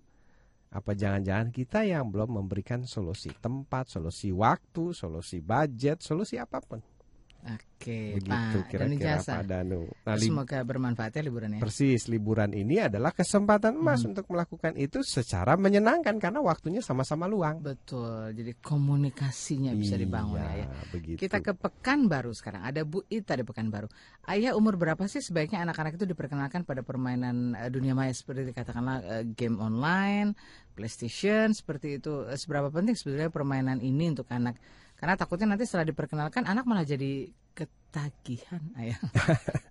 Oke, pertama, saya memperkenalkan itu pada anak saya. Apa yang jadi concern? Yang jadi concern untuk anak pertama adalah satu kesehatan mata atau organ visual. Jadi kalau memperkenalkan game di usia anak-anak, eh, anak saya kenal game itu usia 3 atau 4 tahun ya. Nah, kita perhatikan hal jangan terlalu lama, satu jam cukup, maksimum satu setengah jam. Yang kedua, pada saat main game misalnya, harus duduk. Ini adalah kewajiban. Buat aturan. Nah, jangan sambil tiduran karena berpengaruh lagi ke organ mata. Yang ketiga, konten gamenya apa? Konten gamenya ada pembelajaran nggak? Ya, kalau bisa yang baik-baik konten gamenya. Kan ada game Dora, ada game ini dan Bisa sekarang dipilih ya. pertanyaannya kalau misalnya konten gamenya kurang baik, misalnya perang dan sebagainya. Oke, kita dampingi, kita jelaskan siapa ini musuh, siapa ini, siapa ini dan kamu bertindak sebagai siapa karena bertindak sebagai siapanya itu yang penting kita tanamkan kepada anak. Seperti itu. Nah, kemudian eh, berikutnya lagi pertanyaannya adalah kalau kecanduan gimana? Oke. Kecanduan itu kalau kita tidak menegakkan aturan main. Hmm. Saya tegakkan aturan main. Jadi ada syarat-syarat. Pertama kali pagi sebelum apa a- pada saat anak bangun kalau dia siangnya mau main game paginya harus olahraga dulu. Olahraga sekarang rutin anak saya setiap pagi. Yang kedua bangunnya harus jam 7 lewat dari jam 7 nanti nggak main game. Jadi justru dia punya kesukaan game itu menjadikan sebuah hadiah terbesar untuk kita menegakkan aturan-aturan schedule dalam sehari itu. Mhm. karena kan ada iming-imingnya game Ya. Nah, seperti itu. Jadi, saya rutin tuh jam 7 ngapain, jam ini ngapain, jam ini ngapain, jam ini sampai waktu main game. Wah, Hmm. senang banget kalau udah main game. Akhirnya setiap hari dia ikuti itu untuk sebuah game. Tapi akhirnya apa yang terjadi? Jadi menjadi sebuah habit, Jadi pola ya. jadi di pola. Waktu hidupnya ya. saat komputernya rusak, tetap pola itu berjalan. Paginya olahraga dulu, habis olahraga begini, begini, begini, begitu kira-kira. Oke. Mudah-mudahan menjawab. Terima Ya. kasih sudah bergabung dengan kita. Kita ke penelpon sudah ada juga Oke, yang bergabung di silakan. line telepon. Selamat malam, Smart FM. Halo, selamat malam Mbak Nancy. Selamat malam dari siapa di Ya, mana Pak? Selamat malam Pak Edi dari Selamat malam. Mutamil. Pak Mutamil, Pak silakan. Mutamil, apa kabarnya Pak Mutamil? Ya, Alhamdulillah sehat. Silakan Pak. Ah, gini Ayah Edi. Ya, ini yang dicakung ya Pak ya? Iya betul. Iya. Masih ingat. Eh, anak saya itu umur 16 tahun sama Iya. umur eh, 11 tahun. Mhm. Ya, Eh, eh, cewek semua. Oke. ya. Eh, nah, itu kadang-kadang sering berantem gitu, Ayah Edi. Oke. Eh, jadi misalnya ada apa hal-hal yang diperselisihkan gitu kan, suka pukul-pukulan gitu. Hmm. Ya, tidak sampai yang membahayakan sih, cuman kayaknya melihatnya bagaimana gitu. Itu Mm-mm. penyebabnya apa, terus solusinya apa gitu loh. Kadang-kadang Iya. saya sampai bingung bagaimana gitu. Baik. Ya, Pak Mutamil. baik, baik Pak. Terima kasih Pak sudah sharing. Salam buat Iya, keluarga. Iya, selamat eh, malam. Assalamualaikum. Baik, Waalaikumsalam. Waalaikumsalam warahmatullahi Nah, ini anaknya usia 16 sampai eh, 11 ya, ya, dua ini. Nah, ini apakah memang karena perbedaan umur atau mungkin ada hal-hal lain yang perlu juga dipahami oleh Pak Mutamil dan Ibu sehingga tahu begitu bentuk eh, kira-kira apa yang dipertengkarkan oleh mereka berdua ya? Eh, sebenarnya ini agak terlambat ya. Mhm. Nah, harusnya sudah selesai itu waktu mereka TK atau SD. Oh, oke. Tapi tidak apa-apa Pak. Eh, beruntunglah masih eh, anak-anak gitu. Mhm. Yang pertama begini, seseorang bertengkar itu disebabkan karena dia belum tahu tentang hak dan kewajiban. Oke. Itu biasanya terjadi karena orang tua punya eh, keinginan bahwa anak saya jangan bertengkar. Padahal bertengkar itu adalah sebuah proses pembelajaran bahwa anak itu perlu belajar tentang hak dan kewajiban. Waktu masih kecil biasanya orang tua punya kebiasaan yang inginnya sih benar tapi sebenarnya keliru gitu. Yakni membelikan sesuatu yang sama kepada dua orang anak.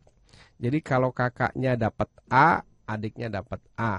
Kalau kakaknya dapat B, adiknya dapat B. Tujuan orang tua baik kata biar nggak bertengkar. Hmm. Tapi justru di situlah letak awalnya kita mengajari anak terus bertengkar sepanjang hidup. Mhm. Jadi kalau ingin membelikan apa-apa, belikanlah satu saja. Hari ini untuk siapa nih? Kakak. Nanti adiknya akan teriak, kok aku gini-gini nggak adil. Oke, kamu ada gilirannya. Sekarang ini punya kakak. Oke. Nah, waktu si adik merebut, kita katakan ini hak kakak. Siapa pun yang merebut, dia akan mendapatkan konsekuensi hukuman. Mhm. Nah, berikutnya baru adiknya yang dibelikan. Waktu kakaknya merebut, ini punya adik. Jadi mereka mulai belajar yang namanya level 1, hak dan kewajiban. Saling menghargai begitu ya. ya. Persis.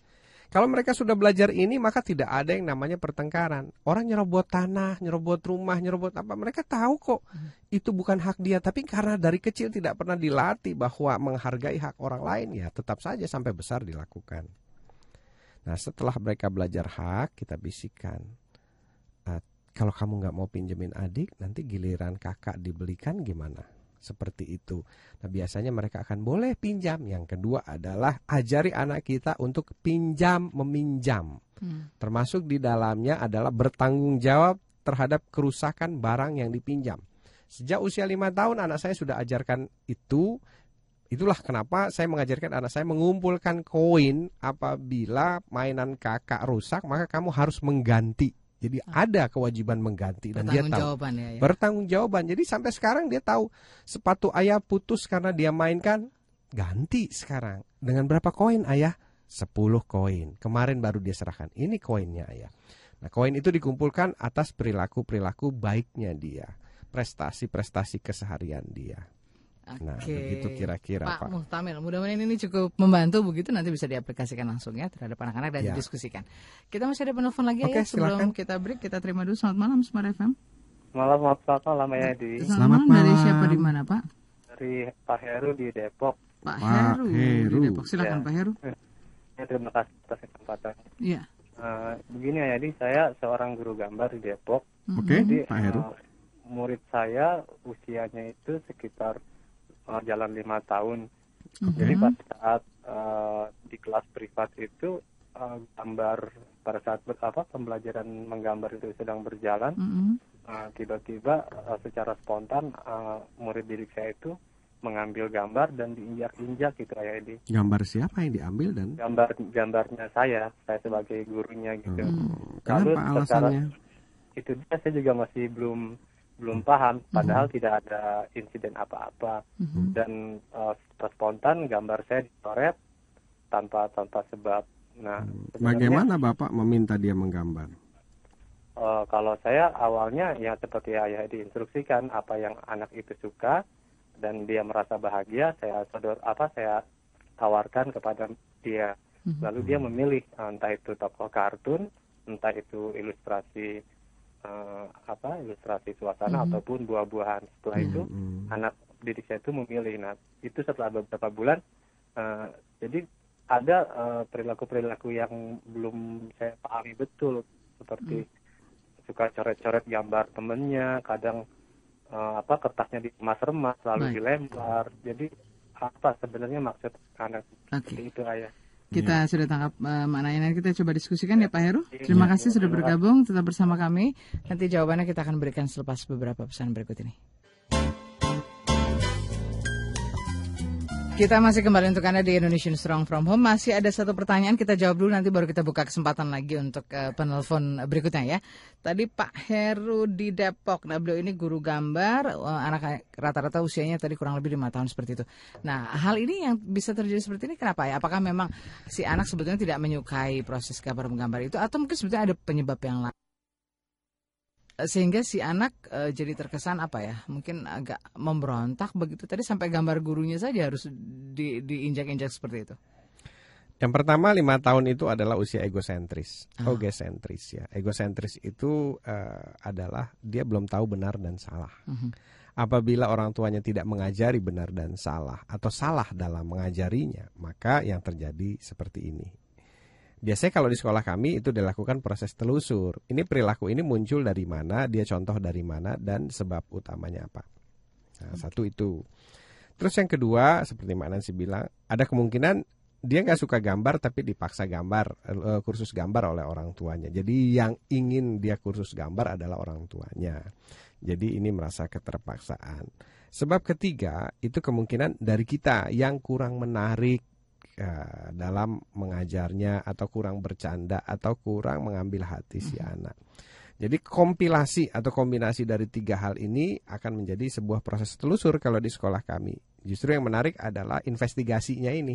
Ya. Ini kenapa nih aneh seperti ini? Oke, kalau sudah tahu sebabnya, baru kita buat rencana perbaikan. Karena sebelum sebabnya kita telusuri, yang diperbaiki siapa kan masih sulit kan.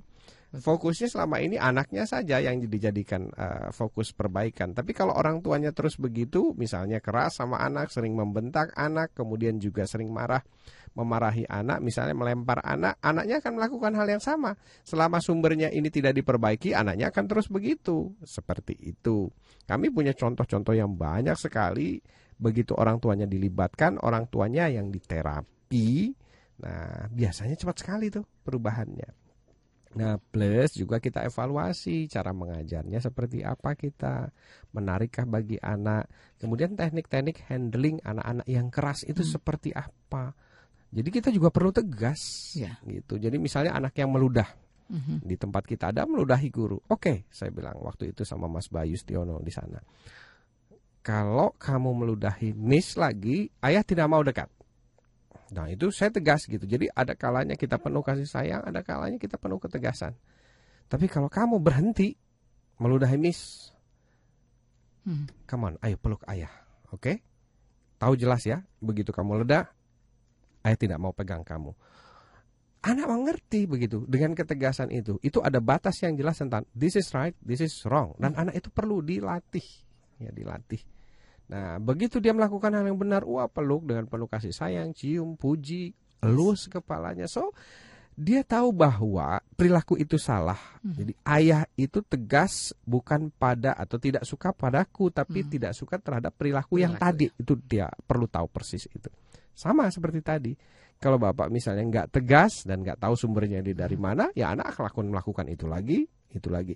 Tapi kuncinya adalah kompak. Kalau gurunya melakukan itu, kita briefing orang tuanya di rumah pun sama perlu tegas seperti itu, supaya dia tahu bahwa oh ini benar, oh ini salah. Kalau enggak nanti oh ibu guru jahat, mama baik, papa keras, Yes. papa jahat begitu kira-kira. Oke, mudah-mudahan menjawab Pak Heru dan mudah-mudahan nanti punya strategi baru lagi ya. Yes. bisa em, menikmati kebersamaan dengan anak-anak didik ya. Kita lanjut lagi sekarang kita ke pertanyaan dari Pak Aan di Tasikmalaya. Assalamualaikum Ayah Edi. Waalaikumsalam Pak Aan. Saya mau kabar? bertanya, anak saya yang pertama ini sudah rajin mencari uang dengan cara jualan ayah. Umur berapa Padahal Pak dia baru kelas 4 SD. Oh 4 SD. Tapi saya merasa khawatir eh, dan kasihan bagaimana untuk menghilangkan perasaan itu ayah. Oke. Sekarang begini. Pertama, eh, perasaannya apa tadi yang muncul? Ya, Jadi nggak enak, rasanya kasihan gitu. ya. Kasihan. Yang kedua apa perasaannya? Hmm, Ada lagi? Nggak ada, cuma kasihan aja. betul. Dan bagaimana menghilangkannya ayah? Menghilangkan perasaannya ya, bukan menghilangkan jualannya ya. Bukan. ya. Oke. Oke. Begini Pak, kasihan ah, itu akan berkontra dengan mandiri. Ya. Baik, yang akan Bapak pertahankan adalah yang Bapak ingin anak Bapak kelak seperti apa? Apakah anak yang dikasihani atau anak yang mandiri? Oke. Kalau suatu saat misalnya Bapak meninggal, bayangkan. Bapak ingin anak Bapak dikasihani atau dia mandiri? Eh, suatu saat kan semua kita meninggal ya Mbak ya, cuma Tuhan yang tahu kapannya. Nah, coba ingat-ingat Bapak. Waktu melihat anak Bapak itu langsung bayangkan masa depannya. Saya ingin melihat dia orang yang dikasihani, ya orang yang dikasihani itu semua orang kasihan sama dia ngasih 100, 200, 1000 begitu. Eh, atau orang yang mandiri, dia yang eh, menghasilkan uang dan dia yang memberi orang lain, menyantuni orang lain. Nah, terus tanamkan sosok itu di kepala. Setiap kali melihat anak jualan, tanamkan itu. Kemudian kalau eh, Pak Jansen tadi bilang ucapkan karena ucapkan itu akan memperkuat imajinasi. Misalnya, wah luar biasa anakku mandiri waktu dia jualan. Wah luar biasa dia akan jadi calon pengusaha yang menyantuni dan mengasihi orang lain. Nah, nanti perasaan itu lama-lama akan hilang. Berganti menjadi perasaan bangga. Wow, anakku dari kecil sudah mandiri. Wow, anakku dari kecil udah punya ide dagang. Wow, kalau ini dipertahankan, dipupuk, dipuji terus, nanti lihat. Kelas 6 SD dia sudah punya gerobak sendiri. Kelas ini sudah punya kios sendiri. Betapa bangganya kita Pak sebagai orang tua. Itu blessing Pak, karena tidak semua anak berani untuk berjualan. Begitu kira-kira. Oke, semoga menjawab dan tetap diberi ini apresiasi anaknya ya. Ya. Untuk Pak An. Kita ke pertanyaan Bu Rusti di Medan ya. Ayah Edi, Mbak Nancy, selamat malam. Assalamualaikum. Waalaikumsalam. Waalaikumsalam Bu Rusti. Aduh ayah, kalau lagi libur itu justru job sedang banjir-banjirnya. Wah ini untuk orang tuanya, orang tuanya lagi kebanjiran job juga. Oh, nah apa yang harus kita apa lakukan ya ayah profesinya kalau begini dengan ya? anak-anak agar kita bisa liburan juga? Hmm, jangan-jangan punya hotel ini Bu. Gimana tuh ayah menyikapinya ya? Oke, begini Bu Rusti ya. Eh, seperti tadi kita bekerja pun biasanya eh, sulit sekali kan. Eh, yang namanya apply cuti itu sulit loh. Tidak semua apply itu di approve dan tidak semua bos itu mengerti, eh, memahami apalah iya kita ya. persi kebutuhan kita. Jadi eh, kita akan buat rencana eh, scheduling tadi. Eh, Oke, sayang nak, kalau lagi liburan gini biasanya job penuh. Oke, kita sepakat nih mau income kita di angka berapa Mhm. Supaya cukup untuk keluarga. Karena kalau kita bicara uang itu nggak ada cukupnya itu berapapun kita punya perasaan lebih terus itulah makanya orang-orang itu pada korupsi karena kita beda dengan binatang. Kalau binatang itu kalau sudah kenyang dia nggak akan makan. Singa itu kalau sudah kenyang full kita lewat di depannya dia santai-santai aja kok gitu. Dia hanya eh, lapar. Tapi manusia agak beda ini. Makanya supaya kita mungkin lebih arif, jadi kita buat dulu kita mau dapat income di liburan ini sampai angka berapa nih? Oke, kalau misalnya itu sudah tercapai di angka begitu berarti sisanya kita boleh libur. Jadi bantu mama ya, bantu ayah ya, bantu bunda ya, bantu ibu ya untuk mencapai angka segini karena makin cepat kita mencapai, makin cepat kita liburan. Oke. Job boleh job karena eh, job itu ya hanya bagian pelengkap dari kehidupan. Toh hidup kita ini seperti roda tidak semuanya job kan. Mhm. Ada sisi spiritual, ada sisi keluarga, ada sisi ini, ada sisi pergaulan. Kalau kita cuma diisi sama job maka rodanya nanti pincang, jalannya nggak seimbang. Oke, semoga nanti bisa jadi seimbang ya. Ada masukan-masukan tadi yang luar biasa juga. Kita masih ada penelpon lagi ya yang ingin bergabung. ya. Selamat malam, Smart FM. Halo, selamat malam. Selamat malam. Dari siapa di mana Ibu? Ini dengan Ibu Yanti Balikpapan. Bu Yanti Balikpapan. Boleh langsung saja ke pertanyaan Ibu? Iya, Assalamualaikum Ayah. Waalaikumsalam Bu Yanti, apa kabar? Ah, baik. Ya, gimana Bu Yanti? Anak saya cewek umur 2 tahun, Dua 8 tahun. ya Ayah Iya. ya. Eh, anak saya itu di dalam rumah saya biasakan bicara yang positif Ayah. Saya biasa yang jelek. Mm-mm. Tapi tetangga sebelah ini kebetulan juga atasan dari suami saya. Oh, tinggal di komplek rupanya Bu. Iya. Keluarganya kurang harmonis, jadi eh, kata-katanya sering kali negatif, ayah. Ah, oke. Nah, jadi eh, bagaimana saya mengalihkan? Kadang-kadang anak saya tertular kata-katanya yang jelek itu ayah. Mm-mm. Hmm, bagaimana mengalihkan ke kata-kata yang positif? Saya udah Oke. misalnya contoh ya ngomong jengkek, orang gila, saya bisa alihkan. Oh saya senang, oh itu orang baik gitu loh. Tapi eh, masih kekeh aja kadang diulang-ulang gitu loh. Hmm. Terus kedua, anak saya suka coret-coret di dinding ayah. Saya Hmm. udah alihkan ke kertas HVS, saya beliin krayon, pensil, warna untuk dia coret-coret. Tapi dia masih tetap ke dinding ayah. Cara apa Bu kalau coret-coret di dinding? Rumahnya kotor semua. Oh. Paling Oke. jauh ngecat ulang gitu ya. iya iya. Itu saja Ibu. Baik. Iya.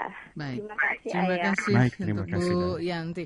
Nah, yang mungkin yang paling eh, perlu disikapi adalah bagaimana sebetulnya anak-anak ini bisa eh, mengambil hal-hal yang lebih baik ya dari lingkungan ayah ya. Kalau tadi kan ada hal-hal yang kurang baik yang eh, ternyata juga di- dilakukan begitu. Eh, kita tidak bisa menghindari apa yang ada di sekitar lingkungan kita, begitu. Tapi kita bisa memahami untuk tidak ikut-ikutan. Nah, saya tadi mengambil kata kuncinya dari Bu Yanti adalah mengalihkan kata-kata yang kotor menjadi atau negatif menjadi kata-kata yang baik. Mengalihkan. Mengalihkan itu hanya dipahami oleh orang dewasa. Anak kecil itu tidak paham. Ya. Jadi, apa yang perlu diganti atau dilakukan adalah memberikan pemahaman. Nah, pemahaman, pemahaman bahwa kalimat ini begini. Nah, lakukannya bagaimana? Dengan cara dongeng. Jadi dongeng si kancil sama si ini si kancil teriak begini terus kancilnya sedih. Ini kenapa sedih nangis? Karena ini tidak baik, ini menyakiti hati dan sebagainya. Berikan pemahaman-pemahaman seperti itu. Mhm. Nah, yang baiknya adalah begini. Jadi jangan hanya dialihkan. Terus yang kedua, pada saat prakteknya kan anak itu uh, ya. Week itu apa yang dia dengar, Ya. nah itulah yang dia ucapkan. Betul. Jadi beri dia proses. Jadi waktu dia mengucapkan kalimat yang tadi karena dia dengar, maka berikan reaksi kita yang tidak suka terhadap kalimat itu. Eh, kemudian misalnya apa? Tidak suka, misalnya tidak tidak suka menjauh, terus tidak suka memberikan apa yang dia inginkan Mhm. supaya dia tahu, oke, kita latih. Kalau kamu ucapkan itu kamu tidak dapat ini, tapi kalau kamu ucapkan yang ini kamu dapat. Kalau nanti dia gulung-gulung marah, oke, tempat marah ada di sana. Saya begitu jelas sekali itu. Ya. Jadi anak saya itu punya kejelasan setiap perilaku yang dilakukannya. Kalau tempat marah di tikar biru di sini, di sini. Tapi kalau kamu baik begini dapat ini, dapat ini. Jadi anak saya itu clear banget saya harus bagaimana bersikap. Nah, kebanyakan anak-anak kecil atau anak-anak usia dini itu kurang diberikan aturan-aturan yang jelas. Mhm. If ini maka apa? If ini maka apa? Sehingga akhirnya mereka bingung sendiri Yes. dan ngamuk begitu. Coba ibu buat aturan. Jika kamu nangis maka kamu berada di sana. Jika kamu berhenti maka kamu boleh ke sini. Jika kamu berhentinya lebih cepat maka apa? Itu akan cepat sekali dipahami oleh anak dan dia tahu bereaksi benar. Hmm, Oke. Begitu kira-kira. Bu Yanti di Balikpapan mudah-mudahan menjawab dan saya juga harus bereaksi benar. Terus break dulu ya. Iya, iya, iya. Oke, Oke. Mas Bo sudah kasih tanda dari tadi. Jangan Iya. ke mana-mana, kami akan segera kembali. Masih ada satu sesi lagi untuk Anda yang ingin kembali berdiskusi dengan kami. Liburan yang bermanfaat dan bagaimana menciptakan aktivitas di dalam liburan itu yang mungkin eh, jadi hal yang akan menarik tentunya untuk mengisi liburan kali ini. Dan ini mungkin kita juga sedang liburan ya ya di talk show ini. Jadi kok kayaknya nggak kerasa udah mau nyampe di akhir aja ya. Menikmati betul begitu ya Iya, liburannya. Liburan kita ini memang di sini. Di sini.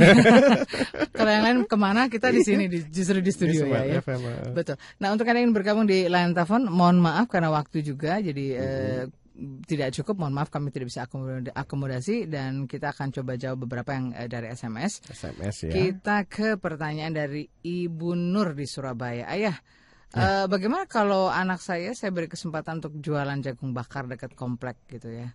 Lalu eh, ngajarin anak-anak ini berdagang, sebetulnya boleh nggak sih ayah? Nah, bukan boleh, wajib kalau menurut saya. Kalau anak-anak saya nanti ya saya akan latih gitu jiwa entrepreneurshipnya. Eh, saya pernah ketemu teman orang asing ya yang mengatakan bahwa eh, kalau kamu mandiri secara finansial maka kamu tidak terjajah. Itu itu saya dalam banget. Maksudnya apa? Saya bilang terjajah. Oh iya, kamu punya kebebasan kebebasan. Eh, coba kamu ingat-ingat waktu dulu kamu kerja katanya. Mau apply cuti deg-degan, di approve nggak ya, di approve nggak ya, mau ke sini, mau ke situ. Itu disebabkan karena kamu tidak eh, bebas secara entrepreneur gitu, eh, secara finansial ya. Yang ujung-ujungnya akhirnya adalah entrepreneur. Eh, Oke, seandainya kita melatih anak kita jualan jagung, dan ternyata dia membesar di dunia jagung, perjagungan misalnya. Apakah dia pensuplai jagung seluruh dunia? Apakah dia punya pabrikan minyak jagung? Kalau dia yang own atau dia yang memiliki eh, bosnya, wow, dia tidak terjajah. Gitu katanya. Jadi, akhirnya saya berpikir bahwa oh melatih anak untuk entrepreneurs itu adalah wajib hukumnya buat saya ya, buat anak-anak saya supaya kalau mereka hidupnya free tidak terjajah gitu. Mereka yang punya bisnis kok mereka yang memiliki. Nah, kalau pedagang pun kan bebas mau tutup toko kapan ya suka-suka dia gitu kan. Yang penting sudah menghasilkan. Yang gitu ya? penting sudah menghasilkan seperti tadi kan Bu Rusti ya. Eh, job lagi banyak, tapi kan dia yang pegang kendali kan, dia mau terima job atau tidak, it's my eh, apa my decision sama seperti saya gitu. Kalau sudah hak keluarga saya, hak anak saya eh, untuk mendapatkan waktu saya, ya saya katakan job saya penuh. Ditanya waktu itu misalnya, kok saya kelihat ayah waktu itu malah liburan sama keluarga loh, itu a part of my job, gitu jangan salah loh.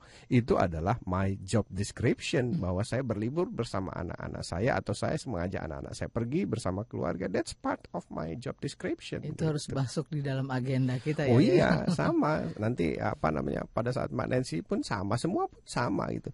Jadi jangan dianggap itu remeh-temeh, tidak. Jangan dipisah-pisahkan. Jangan itu dipisah-pisahkan. bagian dari Itu investasi. Betul. Nanti suatu saat anak kita dewasa, dia tidak akan membuat kunjungan ke orang tuanya sebuah hal yang remeh-temeh, Hmm. tapi dia katakan bahwa mengunjungi orang tuaku adalah my job description. jadwal ya sesuai schedule yang Agenda ada. saya, saya mengunjungi mertua saya, saya agenda akan sebulan harus sekali saya bilang sama istri saya. Hmm. Kalau bisa dua kali. That's our job description, Hmm. saya katakan. Oke, semoga menjadi masukan ya yang bermanfaat. Ya. Terima kasih. Kita ke yang berikut ini ada yang kirim salam buat ayah ya dari 08190963. Nggak ada namanya cuman I love you Ayah Edi. Oh, Wah. I love you too. Waduh. I love you full.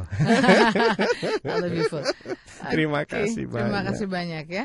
Kita ke yang berikut Pak Irdam ya tadi. Selamat malam Ayah Edi, apa kabar? Selamat malam Pak Irdam, baik sekali Pak Irdam. Nah, ayah em, untuk menyiasati liburan ini, apakah anak-anak yang ya dikatakan minder ini tetap bisa kita gali potensinya? Nah, bagaimana melihat kelebihan-kelebihan yang lain di samping sisi mungkin mindernya tadi ya?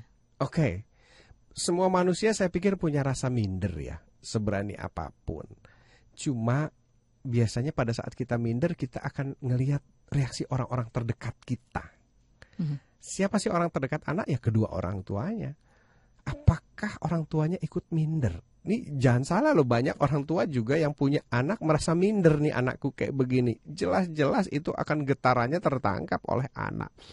Tapi waktu orang-orang terdekat ini mengatakan, "Oh, you are good, you are best. Kamu adalah kebanggaan seperti ibunya Nancy, eh ibunya Nancy, ibunya Thomas, Thomas Edison, Edison, Nancy, Nancy Elliot Elliot ya. ya. Waktu anaknya dibilang anak ibu ini mengalami cacat, nggak bisa belajar. Apa teriakannya Nancy? No, you are my inspiration. Gitu. You are my best son. Kamu adalah anak terbaikku. Kamu anak hebat. Gimana nggak bangkit itu nyalinya Thomas Edison? Coba kalau kita bilang, aduh, memang ya kamu ternyata gitu. Jelas anaknya jadi minder. So, mulailah dari kita banggalah kita pada anak-anak kita. Jadi bukan proudnya sombong ya, tapi proudnya bangga karena dia adalah ciptaan Tuhan yang terbaik. Nah, tunjukkan itu pada anak dalam setiap aktivitas meskipun dia dalam kondisi gagal dapat nilai 5, 4, 3, 2, 1. Seperti ibunya Thomas tadi. Nah, nanti itu akan menular Bapak Ibu sekalian. Lihat saja hasilnya. Eh, sometime ya, suatu ketika nanti kita akan ada acara keluarga saya feeling eh, kita akan eh, gabung begitu eh, mungkin bapak ibu bisa lihat anak saya begitu. Karena saya selalu menularkan rasa bangga saya apresiasi saya pada anak saya. Pada saat tidur saja saya bayangkan dia. Tahu nggak apa yang saya bayangkan mbak? Saya sedang tidur dengan orang besar calon orang besar gitu. Jadi kalau misalnya mau lewat aja saya permisi ya nak ya ya mau lewat gitu. Karena saya bayangkan bahwa ini adalah calon orang besar gitu bukan anak saya begitu. Someday mungkin dia lebih hebat dari bapaknya kan dari ayahnya. Ya. nah mungkin itu akan menular secara getaran itu yang perlu kita lakukan pak Oke baik dan saya juga ternyata mendapat getaran-getaran bahwa kita sudah sampai detik-detik terakhir ya ya. detik Nah, terakhir detik ayah apa yang mungkin kita bisa eh, bukan sekadar kita rangkum ya, tetapi Iya. mungkin apa yang bisa kita isi dan kita manfaatkan di dalam eh, rangka liburan. Karena liburan kan setiap tahun pasti akan ada lagi, Iya. akan ada lagi kesempatan. Tetapi bagaimana menciptakan liburan-liburan itu menjadi Iya. sesuatu yang bermakna dan berbeda tentunya setiap tahun ya. Iya. Silakan ayah. Ya pesan saya mudah diingat ya, jangan jadikan liburan itu tiduran. beda sekali artinya liburan dengan tiduran. Kemudian liburan is a big deal, satu hal yang luar biasa. Jadi jangan sia-siakan kesempatan emas ini. Enggak banyak orang tua bekerja, orang tua yang di Jakarta punya kesempatan emas ini. So do something. Apa yang kita tadi sudah bicarakan atau nanti pada saat uh, siaran ulangnya tolong dicatat baik-baik dan kita aplikasikan supaya kehidupan anak-anak kita bersama kita itu penuh arti. Lihat saja nanti hasilnya anak-anak kita akan begitu mencintai orang tuanya dan it's a priceless.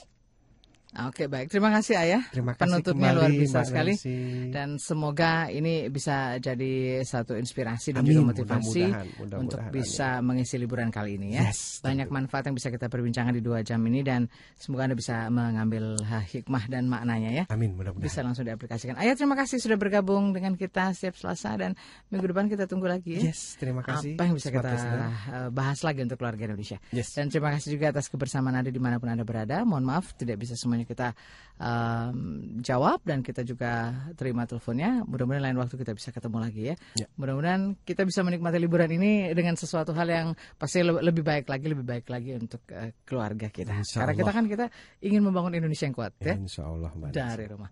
Kita mesti pamit dulu karena kita juga mau liburan Mau sama-sama liburan. keluarga ya. Sama Mesti keluarga, iya. Merencanakan ini menciptakan liburannya. Saya Nancy Moko Ginta. Saya Ayah Edi. Let's make Indonesia strong from home.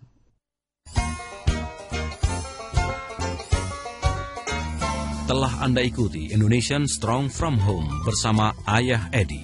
Untuk konsultasi dan seminar, hubungi 0816 182 2323.